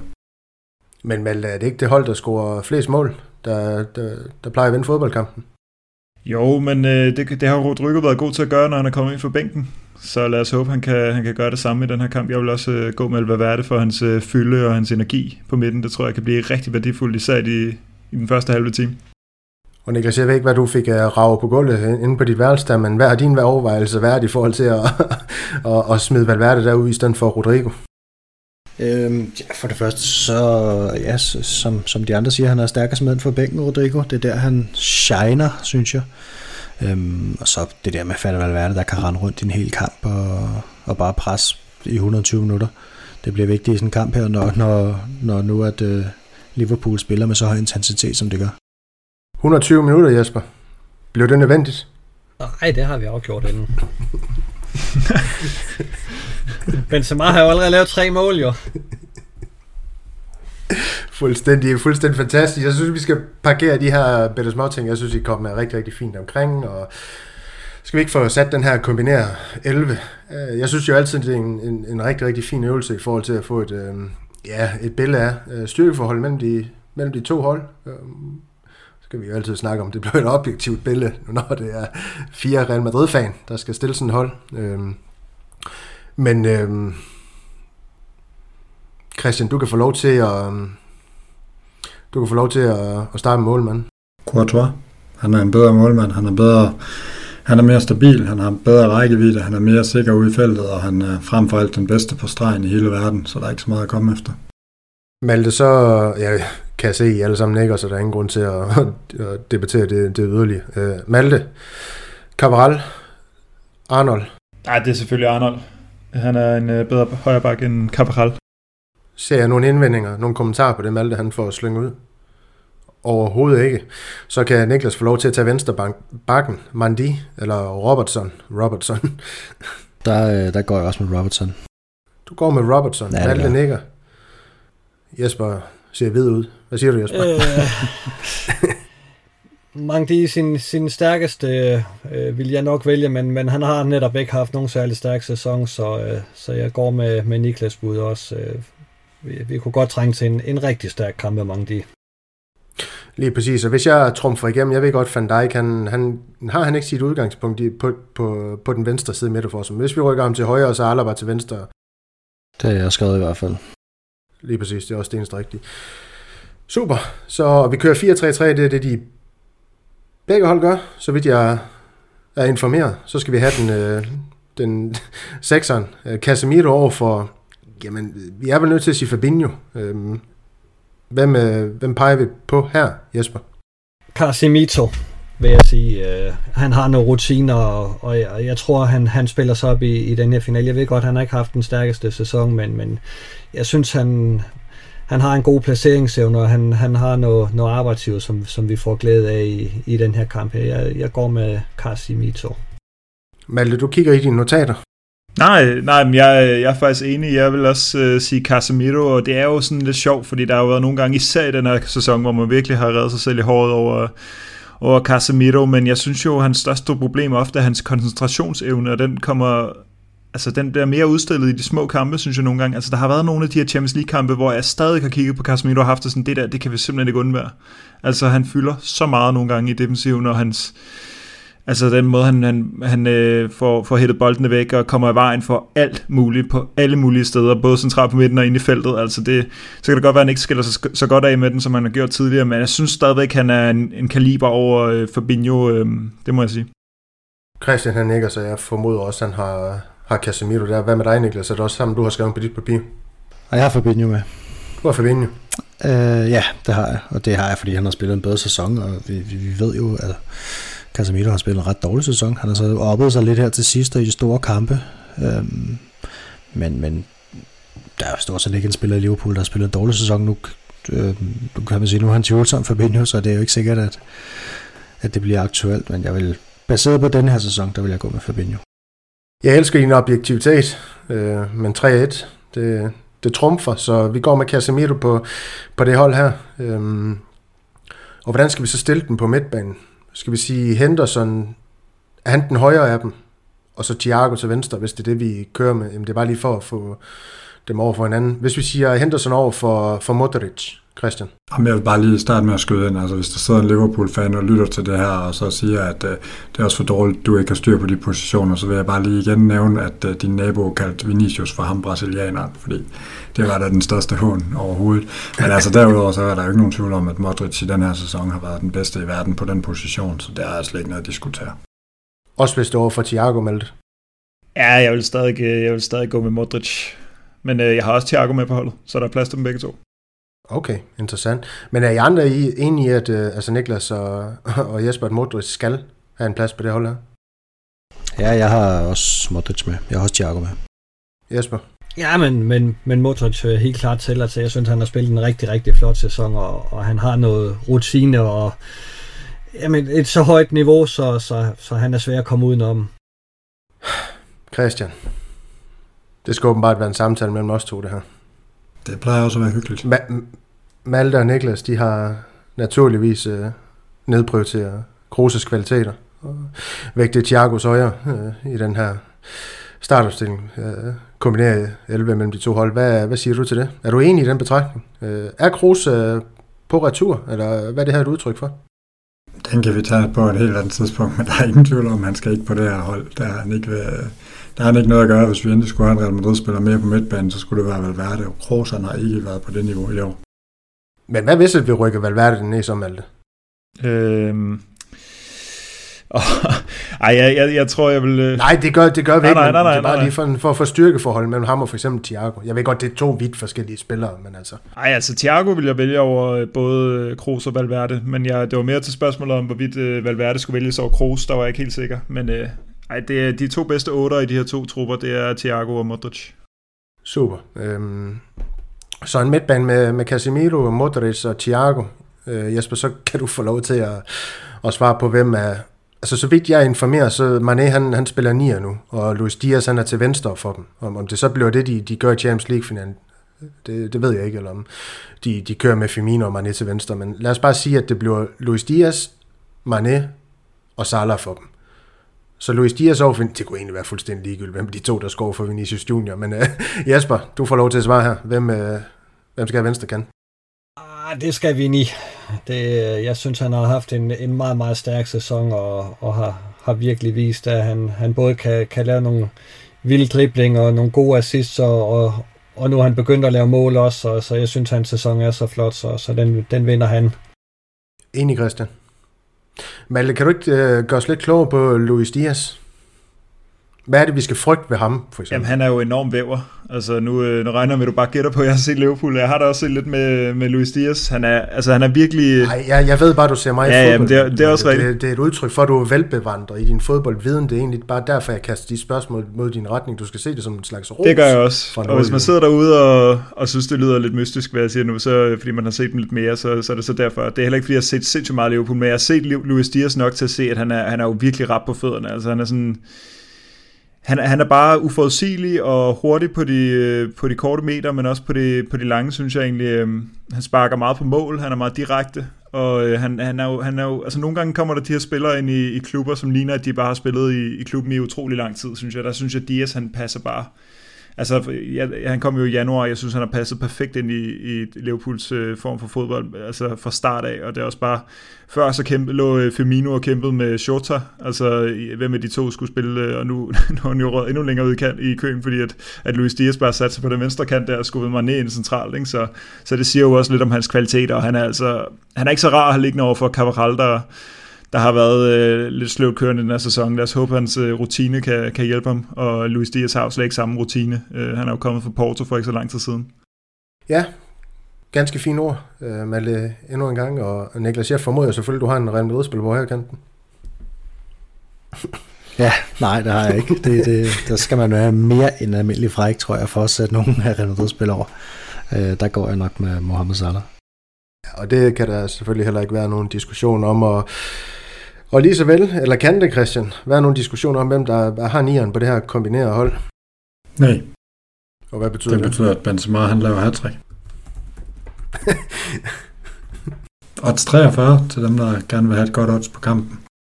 Fuldstændig, fuldstændig fantastisk. Og jeg synes egentlig, øh, at det var de ord, så skal vi have et bud på kampens resultat for, for jer alle sammen. Vil du uh, lægge ud, Malte?